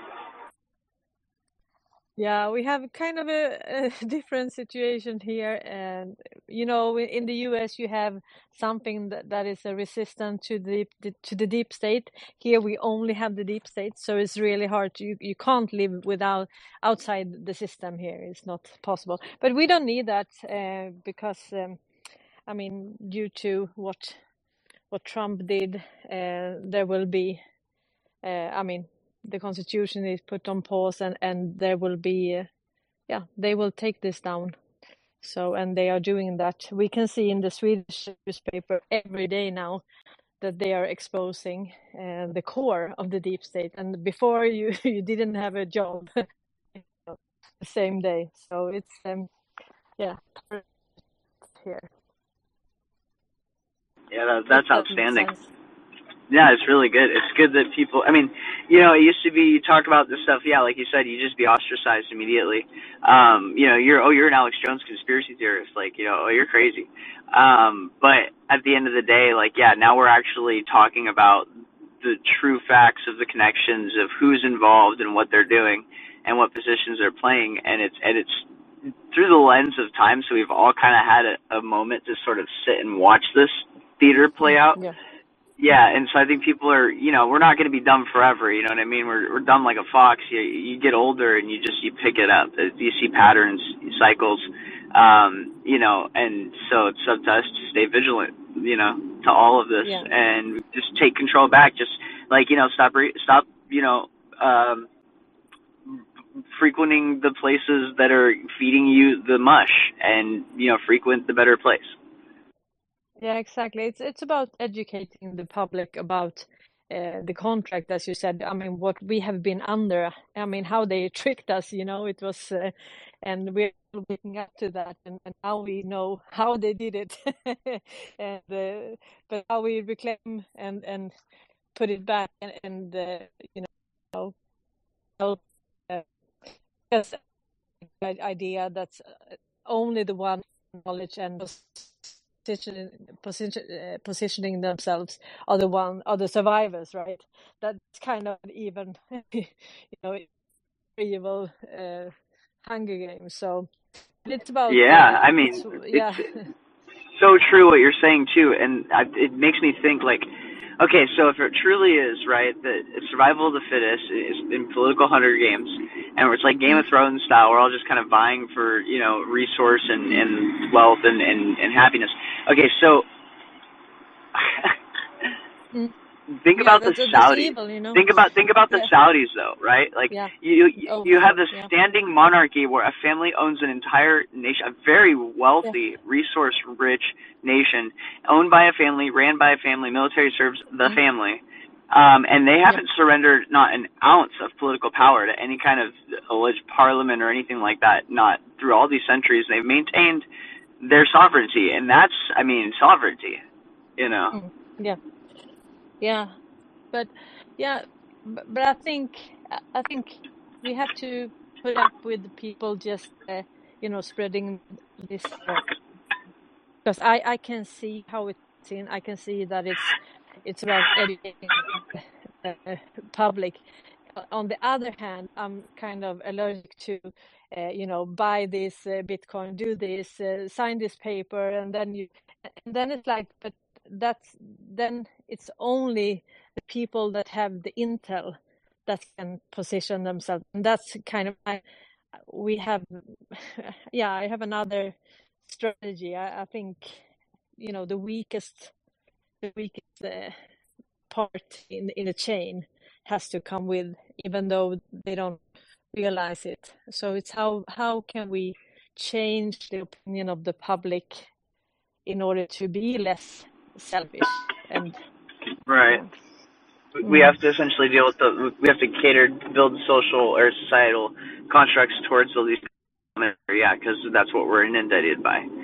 So you're totally right. And so how do you change that? Well, you got to get on the street corners. You got to organize youth groups. You got to like, you know, get your sponsors, get your LLCs going, and get your sponsorships going. You know, and and start sponsoring events and uh, sponsoring community events and and getting involved and talking to people because that's really how you do it. Yeah, we follow closely how you do it. It's it's kind of another cup of tea here, but we we are stretching out. I did an interview with Derek Johnson. I did another with um, Michael Ray Corey. Uh, if you want to listen to that, and also I will do one with Dr. John Holper Hayes now. And um, why are we doing that? I mean, why are you in our space? We, we want to meet up and kind of give our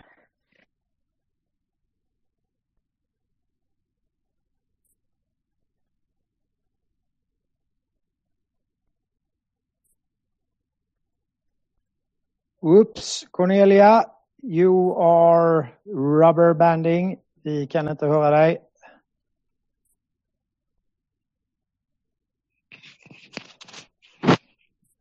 Eh, Strand, kan du höra Cornelia eller hör du mig? Eller?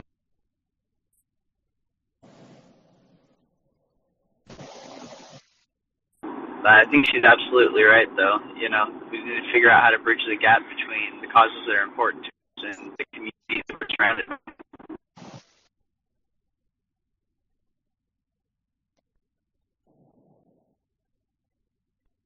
Uh, okay, uh, a bit of rubber banding and uh, unstable space occurred here.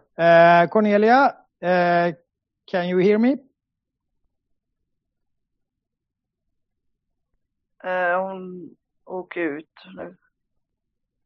Eller på min telefon i alla fall, ansluter i alla fall så att... Jag Eh, hör fortfarande. alltså gör du det? Okej. Jag är inte Cornelia, men jag hör er. Nej, nej, nej, det Ja, var ja, det, det var... Jag tänkte om inte jag hörde Cornelia heller. Uh, okay, we had a little bit of trouble with the space politics. So, uh, anyways, uh, nice hearing your discussion with Cornelia. And uh, I think that, you know, Sweden has a very strange uh, constitution and so on. Actually, it's uh, dysfunctional. It's it's not even there. so we are, in, as Cornelia said, we are in a pretty much a different situation. But hopefully, we will be uh, a uh, republic in the future uh, and, and moving Don't towards have, that. So uh, is there a kingship over there? Do you have? What we have is a democratic, a, a monetary democratic kingdom of Sweden. It's uh, it- yeah. it- it- it- it's it's so fucked up. You you wouldn't believe it. And uh, uh, believe me, when the when the Trump team was over here uh, some years ago, uh, uh, Mr. O'Brien, he only said, "Well, it's all about the Swedish legal system," and he just went away from the journalists and so on. We are really fucked up. Everything is done to act under the guise of being a neutral country, to feed the military industrial complex and uh, the big boys behind it in the inve- in the investor uh, sphere, which is quite important uh, for the rest and of the. more so yeah and more so i mean we are we are sheltering all us companies here. You know we are sheltering with our uh, legal system. So we protect we have all we have like amazon servers here with all the data of the american citizens.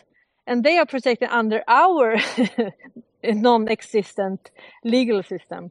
So so that's how they did it you know. So th- they can shelter all their data here and and keep it forever and use it you know to sell it and so on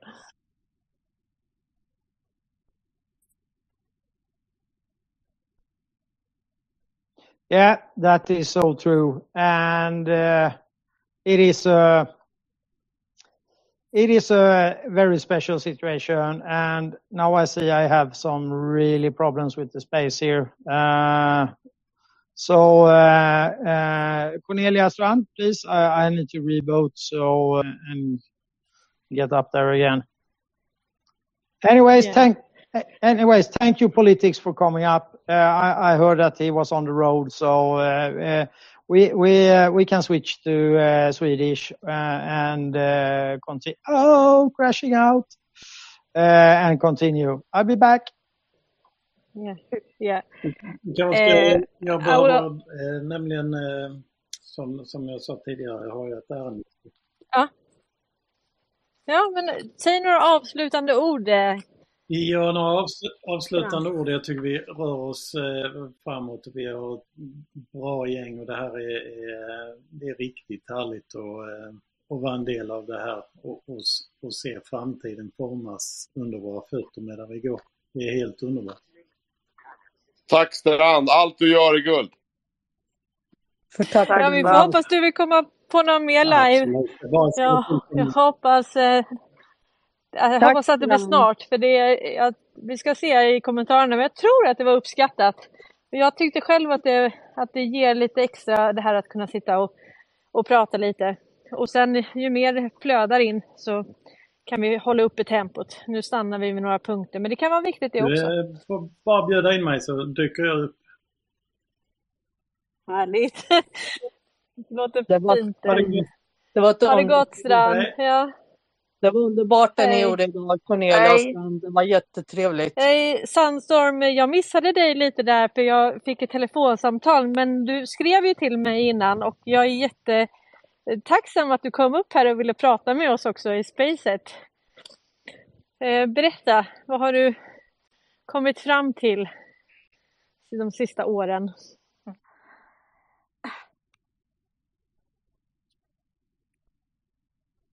Hallå?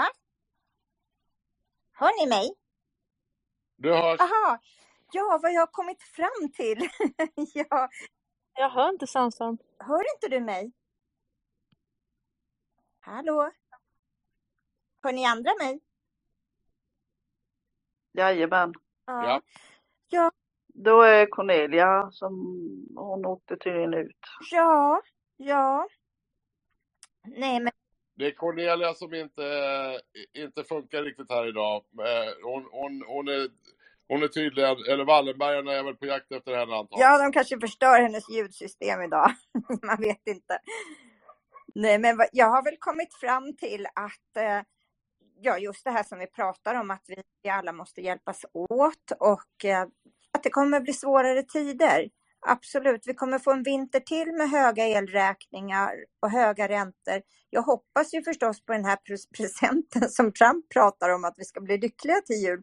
Så vi, vi får väl se. Det har varit så ofta att vi, vi har goda saker att vänta på, sen så vet man inte om det händer och det skjuts upp och så. Men jag förstår ju, det är krafter emot oss hela tiden vi jobb, som, som jobbas med. Så att, men jag tror ju idag på eh, Quanon och White Hats och, och känner mig mycket positivare. Som du har sagt också Cornelia, men du kanske inte hör mig nu, är att när man tänker om, om man drar bort allt det här positiva och den goda sidan som fakt faktiskt motverkar allting, då blir ju läget så hopplöst och det är ju där de vill ha oss i fear mode. Vi ska tro att Åh, nu blir vi jättefattiga, de kommer att ta oss och ta in oss på läger och Klaus Schwab, Schwab är värsta nazisten och all den här optiken som, som finns runt den, den ska slå ner oss i backen ännu mer. Men eh, jag tror ingenting kommer att hjälpa oss om vi är sådana, för deprimerade människor kan alltså gå ner i botten och, och i stort sett sluta leva och bli sjuka. Så det är bättre att försöka hålla sig uppe och vara positiv för att det finns, även för att vi är glada i onödan så kommer vi ändå vara glada och inte bli sjuka, man ska säga. Fast nu tror jag inte att vi är glada, att vi blir glada i onödan när vi ser den här framåtskridande processen med att, att samhället faktiskt är på gång att göra ett paradigmskifte. Så att det, ja, det är väl det jag har kommit underfund med, att jag, jag är gladare idag än, än vad jag var förut. Och det är tack vare er och, och att man försöker att se de här små positiva sakerna som händer också. Där har jag kommit fram de, det sista året kanske. Kan man. Ja, vad härligt. Det var jättekul att höra. Jag, jag hörde faktiskt när du svarade nu. Ja? Eh, som sagt, jag har kastats ut. Ena gången var det faktiskt min telefon som dog. Så att, eh, jag hade en extra lur. Så att det, det är så när man är ständigt uppkopplad. Men, eh, ja, men du har helt rätt. Alltså, indierna har ju, har ju så att om du bara börjar skratta så kommer du börja skratta naturligt. Så att det, tankens kraft är inte att underskatta. Men sen handlar det också om att, tror jag, att, att vrida och vända på det som vi faktiskt ser. Att man, eh, man kanske tycker så här, ja men nu ska, eh, nu ska BRICS starta ett nytt finansiellt system. Mm. Men, men när man förstår att nästan 80 procent av världshandeln dumpar dollarn, som tidigare stod för 90 procent av världshandeln. Alltså vi hade en världsvaluta som var dollarn och nu dumpar nästan 80 procent av jordens befolkning dollarn. Och då, då är det inte bara de som ansökt till BRICS utan vi har hela Afrika som har i stort sett skrivit kontrakt med eh, både Kina och Ryssland. Och det paradigmskiftet har vi aldrig sett. Vi har aldrig sett en liksom unison värld som dumpar en världsvaluta. Eh, och det är egentligen när vi, pratar, och resonerar med varandra, det är då vi kan förstå vidden av det vi faktiskt går igenom. Ja. Och sen tänker jag på de här talen som, som Putin har haft nu också här motarbetar. Jag tycker att det är, ja, det är fler och fler bitar som faller på plats där. Och jag, jag kan bara bli Ja. glad när jag ser ja, en, en film från Gaza där, där faktiskt ett lik sitter och håller krampaktigt sin telefon, eller det, det var väl någon som skulle återupplivas, så att man ser att det är fortfarande psyopser. Det är inte allting. Vi måste inte ta in allt, utan vi kan faktiskt rensa bort och tänka att det här kanske inte ens är sant. Vi vet inte riktigt. Nej. Och det kanske är för att vi ska bli så där jätterädda och, och ligga hemma och kräkas i depression eller någonting. Så det är bättre att hålla Mm. ifrån sig lite och där har väl jag lärt mig lite mer att, att inte suga åt mig och bli så himla deprimerad. Så, och det är skönt. Mm. Jätte, och, Och inte springa. Var det du som skrev i Trumps tal så sa han rätt ut att det var ja, ja. ja, ja. Han säger att- han, han, han ska ta över helt enkelt. Nu kommer inte jag ihåg exakt ordagrant vad han sa, men jag gjorde väl det den dagen. Men att, att det är en psyop helt enkelt med allt som har hänt att han, han kommer att komma tillbaka och de har velat visa oss det här. Nu minns inte jag, jag har inte bokmärkt allt för jag, jag kan inte tekniken riktigt och nu, nu ska jag börja spara alla tal och, och så så att jag inte, ja för jag minns inte sen. Men det, han har sagt det rent ut att, ha, att det, det är för att visa oss helt enkelt. Och, och när han sa det, då var jag också jätteglad. Så att det är små saker som bildar det här pusslet som, som faktiskt visar att vi, på, vi går framåt och det finns en god sida. Och, och han var ju trots allt kompis med Kennedys son väl? Trump. ja, ja visst. Ja, ja, han hängde ju i Vita huset också. Ja, det är klart att han Mm.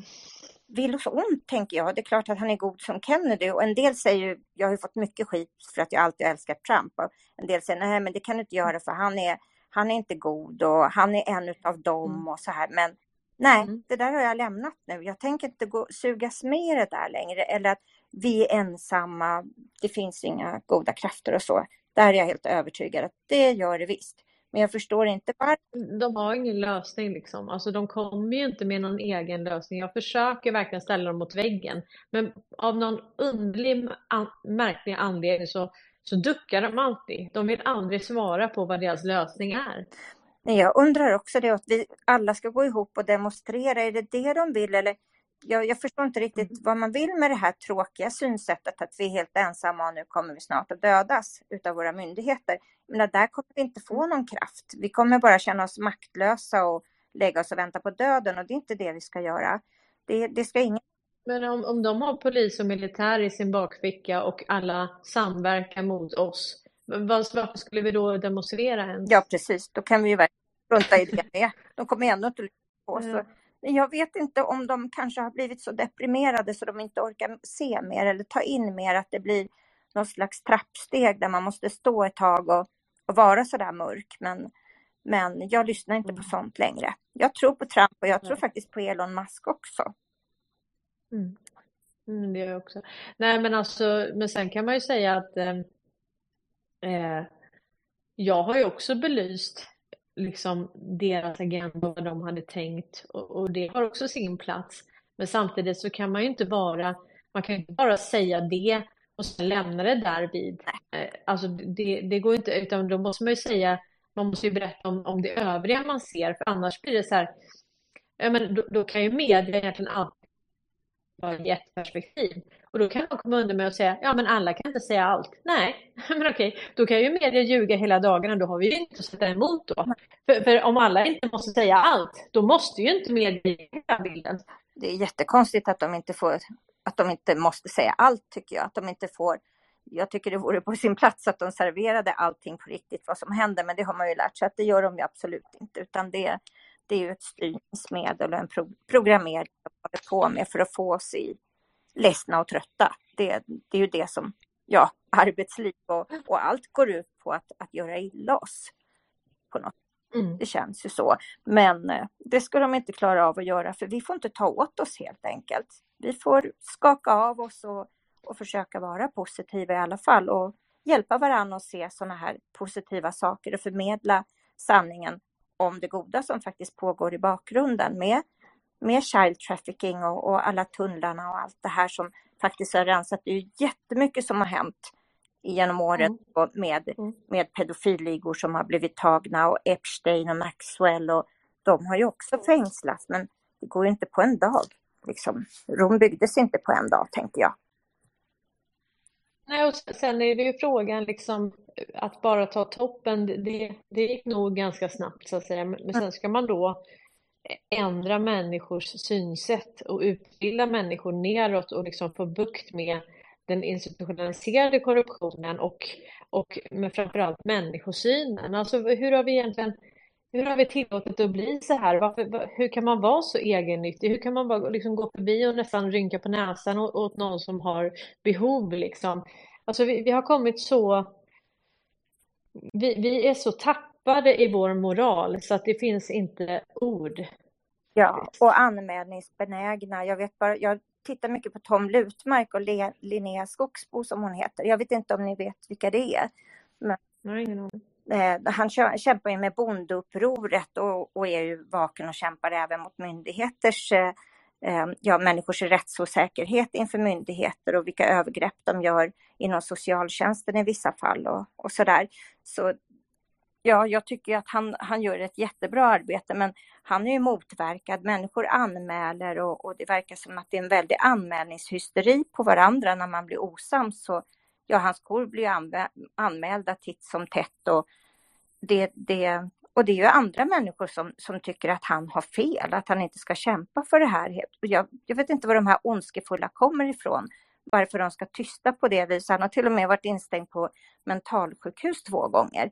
Så det, men han är, han är inte sjuk och han är ute, han fortsätter med sitt bondeuppror. Så det, det gäller att kunna skaka av sig det där, men det är inte lätt det är inte, vi har svåra tider när vi blir förföljda och, och det finns som, ja människor verkar inte ha någon moral överhuvudtaget när det gäller att vilja skada varandra.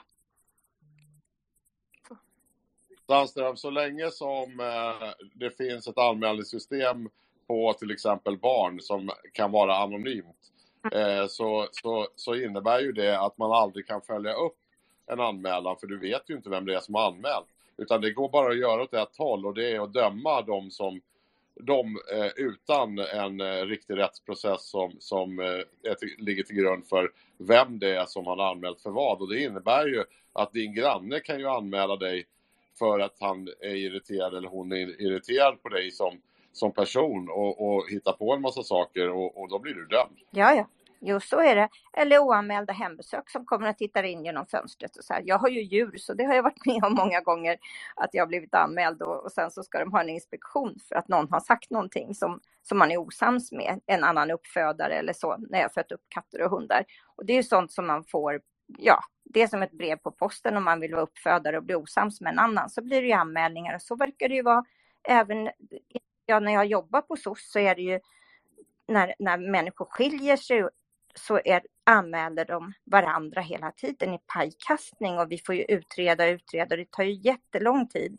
Och det handlar ju inte om barnen då, utan det handlar om att man vill skada den andra föräldern eller skada någon annan väninna som har gjort någonting. Eller, ja, det är ju jättetråkigt. Det där anmälningssystemet, är, ja, det måste bara bort. Man måste stå med sitt namn och faktiskt ha lite relevant på fötterna för att göra människor så illa som man så lättvindigt kan göra idag, tycker jag. Och, och nu står ju våran statsminister här, eh, barnförskingraren och, och, och, och liksom eh, talar om hur, hur fel de här eh, muslimska grupperna har som anklagar Sverige för, att- för att socialtjänsten eh, kidnappar barn. Men det gäller ju inte, det gäller ju ingen gruppering utan det här gäller ju Ja, alla ja, ja.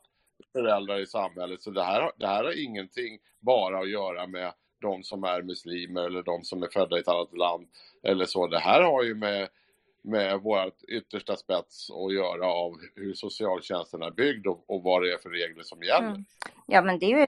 Ja, förlåt. men det ser ju inte, det ser inte de här svenska... Ursäkta Sandstorm, men jag blir så irriterad att det ser ju inte de här svenskarna. Man ser i tråden att det är bara fel på muslimer. Alltså, man blir så trött att de inte kan se helheten. Ursäkta att jag säger det, men jag vet att det finns många, jag pratar med många som svenskar som har blivit lidande, men det finns lika mycket från andra. Man måste se helheten. Ursäkta Sandstorm. Ingen fara. Ja, nej, men du har rätt. Jag, menar, jag tycker att det tågar i dem för att de vågar också ställa sig upp och säga vad de tycker. Vi svenskar, vi, vi är mycket räddare och vågar inte säga vad vi tycker och ja, knyter näven i, i handen eller i fickan hur man ska säga. Så att jag, jag tycker ändå att det är bra att de gör som de gör. Men just den här Linnea och Tom då som arbetar mot myndigheter. Linnea har ju själv omhändertagna barn och har inte fått tag få ta tillbaka, hon har till och med besöksförbud och det är många svenskar som har råkat ut för det här också. Så att de har ju bildat en, en organisation nu som heter Family United som är ute och pratar och demonstrerar utanför socialkontor. Och jag tycker inte, jag som socialsekreterare så trodde jag att bara barn tas där det finns verklig grund för det. Men när man tittar på de här föräldrarna så, ja, jag undrar ju ibland, jag tycker att de ser fullt normala ut och jobbar med, med andra barn och, och, och har helt ordnade liv och inga missbruksproblem och ändå så får de inte tillbaka sina barn. Och det kan ju vara på grund av olika scenarier och många gånger så är det tvister mellan mamma och pappa också som gör att de plockar barnen. Men jag trodde i min enfald att man faktiskt kämpade så länge som möjligt med det här. Åtminstone gjorde vi det när jag jobbade som barnhandläggare. Att de ska... Så länge, så länge som kommunerna får bidrag från staten för att LVU-a barn eh, så kommer det här fortsätta för de, de, de skapar ju pengar i systemet. Eh, och det, man måste förstå det att allting handlar om pengar i slutändan, allting handlar om ekonomin i slutändan. Vad de än hittar på så är det en ekonomisk bedrift. Och, och, och förstår man det så är det lättare att förstå vad det är vi har att kämpa emot. Och, och, och, och jag jobbar ju också stenhårt emot det här systemet och emot eh, kommunen och, och i, den agenda, i, i den här agendan. Och, och jag börjar, vi börjar ju få, få bukt på det här. Vi har ju, vi har ju snart vält vår kommun med, vi, vi är nog fra, snart 50-50 i, den här- i den här kommunen som tycker att det här inte, det här inte går längre. Och, och jag, jag uppmanar alla att i sin kommun starta upp sådana här eh, starta upp lite sådana här protester direkt emot kommunpolitikerna. För det är det enda, det är det enda som hjälper. Ja men vad underbart, vad duktiga ni är. Ja, jag förstår det, att det är det enda som hjälper och, och, och kämpa på så helt enkelt. Det gör jag. Ja, nu vet jag inte vad jag ska säga mer. Eh, Egot kanske har något att säga om detta ämnet och sen Johanna. Ja, alltså det, det är inte bara han i bensinupproret som har blivit tvångsinlagd på psyket. kan jag ju säga. Så här, är man frispråkig och, och, och samhällskritisk då låser de in en, eh, hotar med att ta barnen. Eh, men men de, de kan, kan ju liksom inte komma med något konstruktivt så här, som att hjälpa någon som mår dåligt eller något utan de väntar ju bara på ett läge och ta barnen. Det är det de gör från socialtjänstens sida. Eh, som att de ger inte mig rätt nu som har jobb och sköter mig. Jag har min dotter 100%. Hennes mamma ligger nu inlagd på psyket. Men, Mm. men, men eh, de vägrar låta henne skriva på en adressändring så att hon kan få gå i skolan där jag bor. Som har satt mig i en jätteproblematisk situation för att få min dotter till och från skolan och, och så här då. då. Så jag satt i valet och kvalet att säga upp mig från jobbet eh, eh, eller lämna henne i skolan. Och till slut så ställer jag ju Moderaterna mot väggen där i den kommunen hon är skriven. Och tar ner eh, kom, kommunalrådet där, högsta hönset, när han kommer in med gympaskor klockan halv elva på morgonen. Jag bara, så du har betalt från elva till två på dagarna, säger jag. Det är det första jag säger till han. Mm. Va? Va? Va? Jag kommer från gymmet. Så här, ja, men vad fan, man jobbar väl åtta timmar om dagen, eller gäller inte det alla, eller? Med din lön. Och jag bara, nu är det så här, nu får du ta tag i det här. Två dagar senare så var hon beviljad skoltaxi från min kommun till andra kommunen. Det är över fem mil fram och tillbaka varje dag. Men gud så underbart. Ja, men det Ja. hjälper på sig. Men, men, men SOS kunde inte göra någonting, eller någon. Men jag sög tag i kommunalrådet och hotade med media. Och han bara, vad då för media? Jag bara, ja, alternativ, alternativ media tyckte jag. Mm. Då sket han på sig. Mm. Ja, det är härligt. Ja.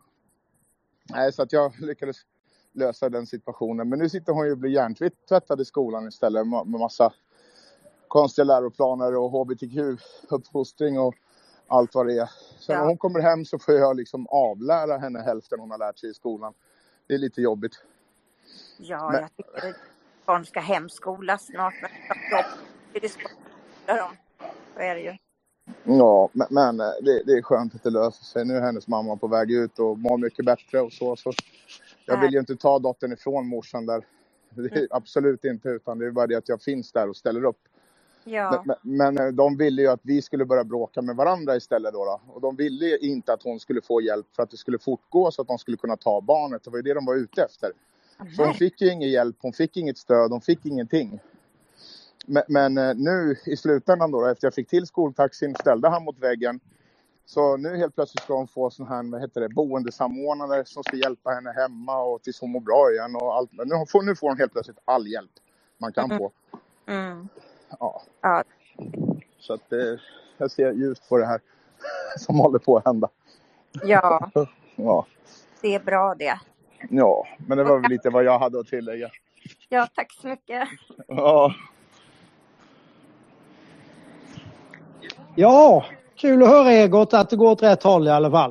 Eh, med det sagt så pratar Egot om alternativ, alternativ media. Eh, innan pratades det om World Economic Forum och jag har inte frågat Cornelia än men eh, såg du eh, den lilla tweeten som ligger där uppe där alternativ media då eh, skulle vara jätteduktiga Jajamensan.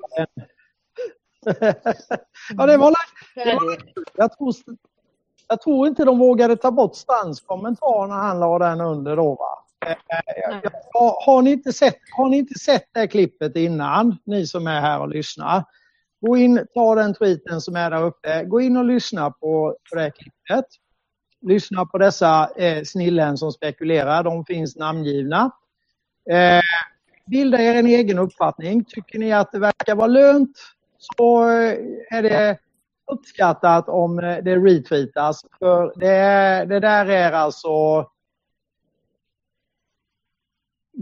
väckt med lyktstolpe deluxe. Eller vad säger du Cornelia? Nej men alltså det, grejen är så här att de här Frihetsnytt, alltså, och, och det gäller egentligen alla, det är otroligt många i det här som har skickat information till alla dessa. Så de kan inte säga att de inte har informationen. Och, och hur man då kan som eh, granskande journalist eller vad man nu vill kalla sig, medborgarjournalist. Men, men om man har en kanal eller man är forskare eh, som, som eh, Nordangård eller de här, alltså hur man, eller som Dammegård och granskande journalist och alltså hur, hur de har fått information skickade från alla möjliga håll. Från människor som verkligen vill att vi ska enas, alltså på riktigt.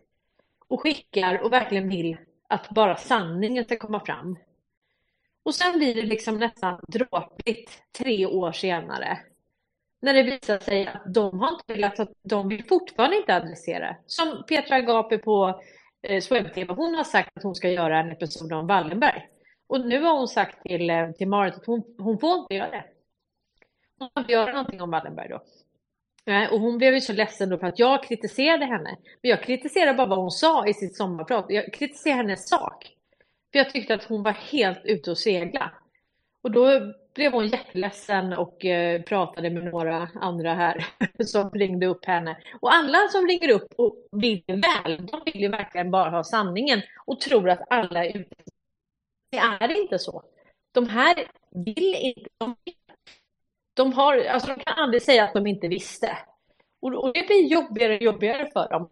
Jag, jag fattar inte hur de kan, alltså hur de kan se sig själva i spegeln liksom. Men eh, Mm. Nej, vi, vi, måste, vi måste liksom, vi outar ju inte dem som personer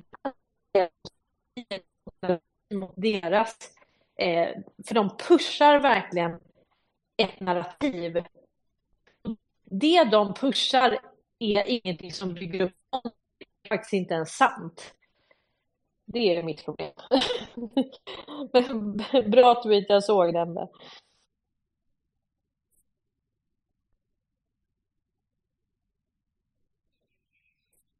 Ja, det blir ju rätt uppenbart.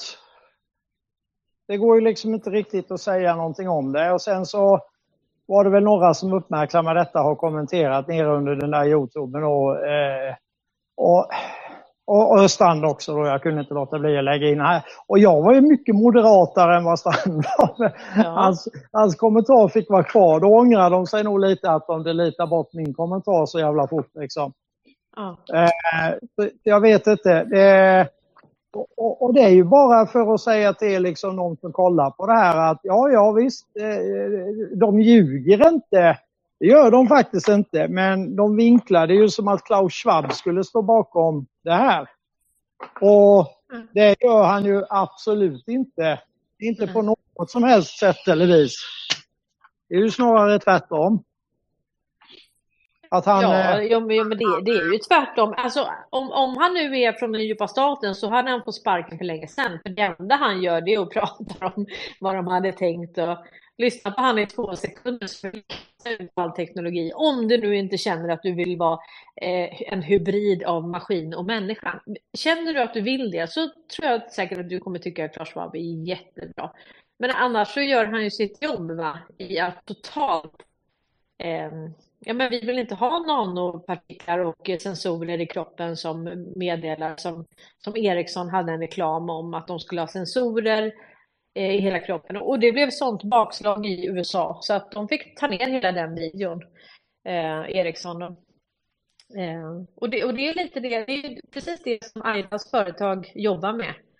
Eh, Aida Reva, hon jobbar ju med Internet of Bodies. Och det handlar ju om att eh, ja, digitalisera kroppen helt enkelt.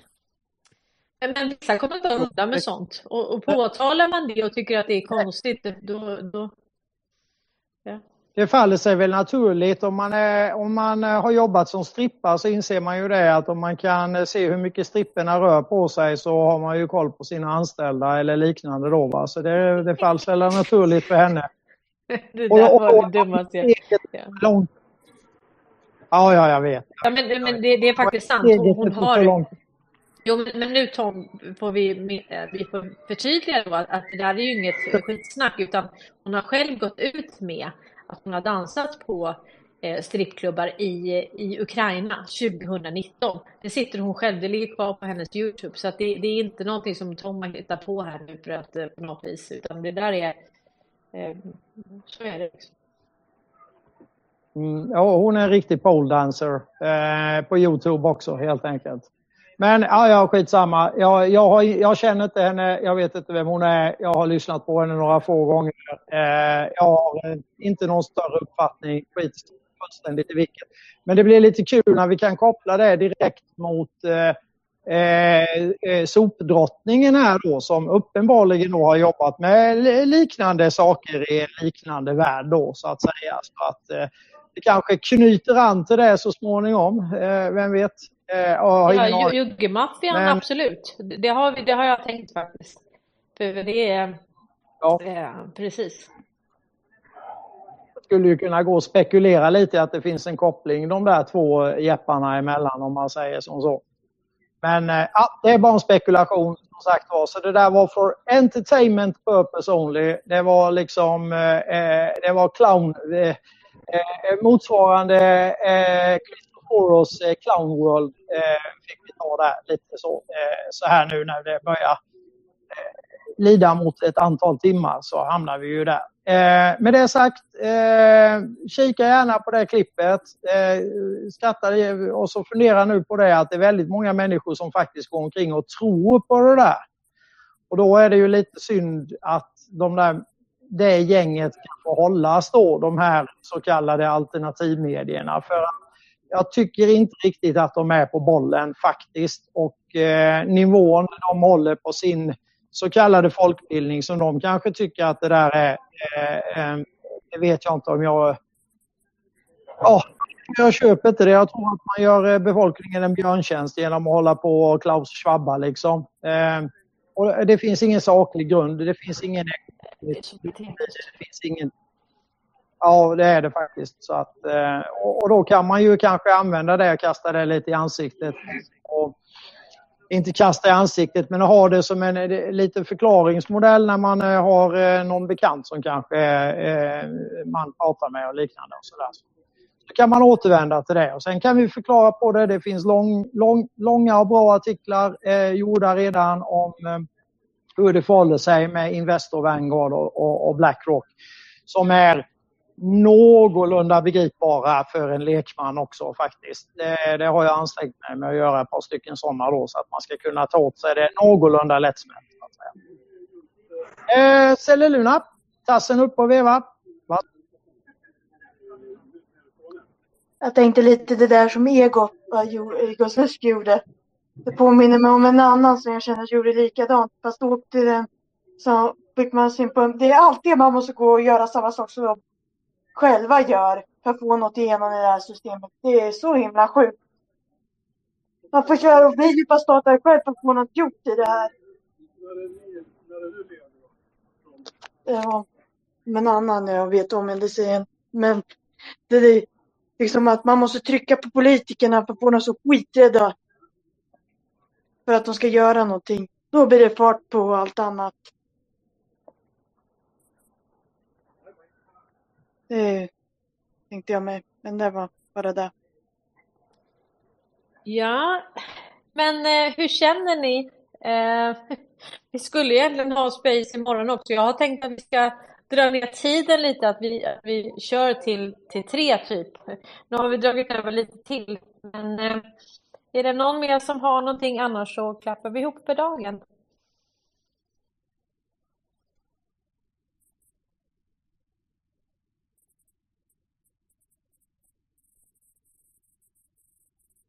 Det verkar inte så Cornelia. Då tycker jag vi att vi gör så. Ja, men då får vi tacka ja, allihopa det... för eh, visat intresse ja, och goda precis. snack.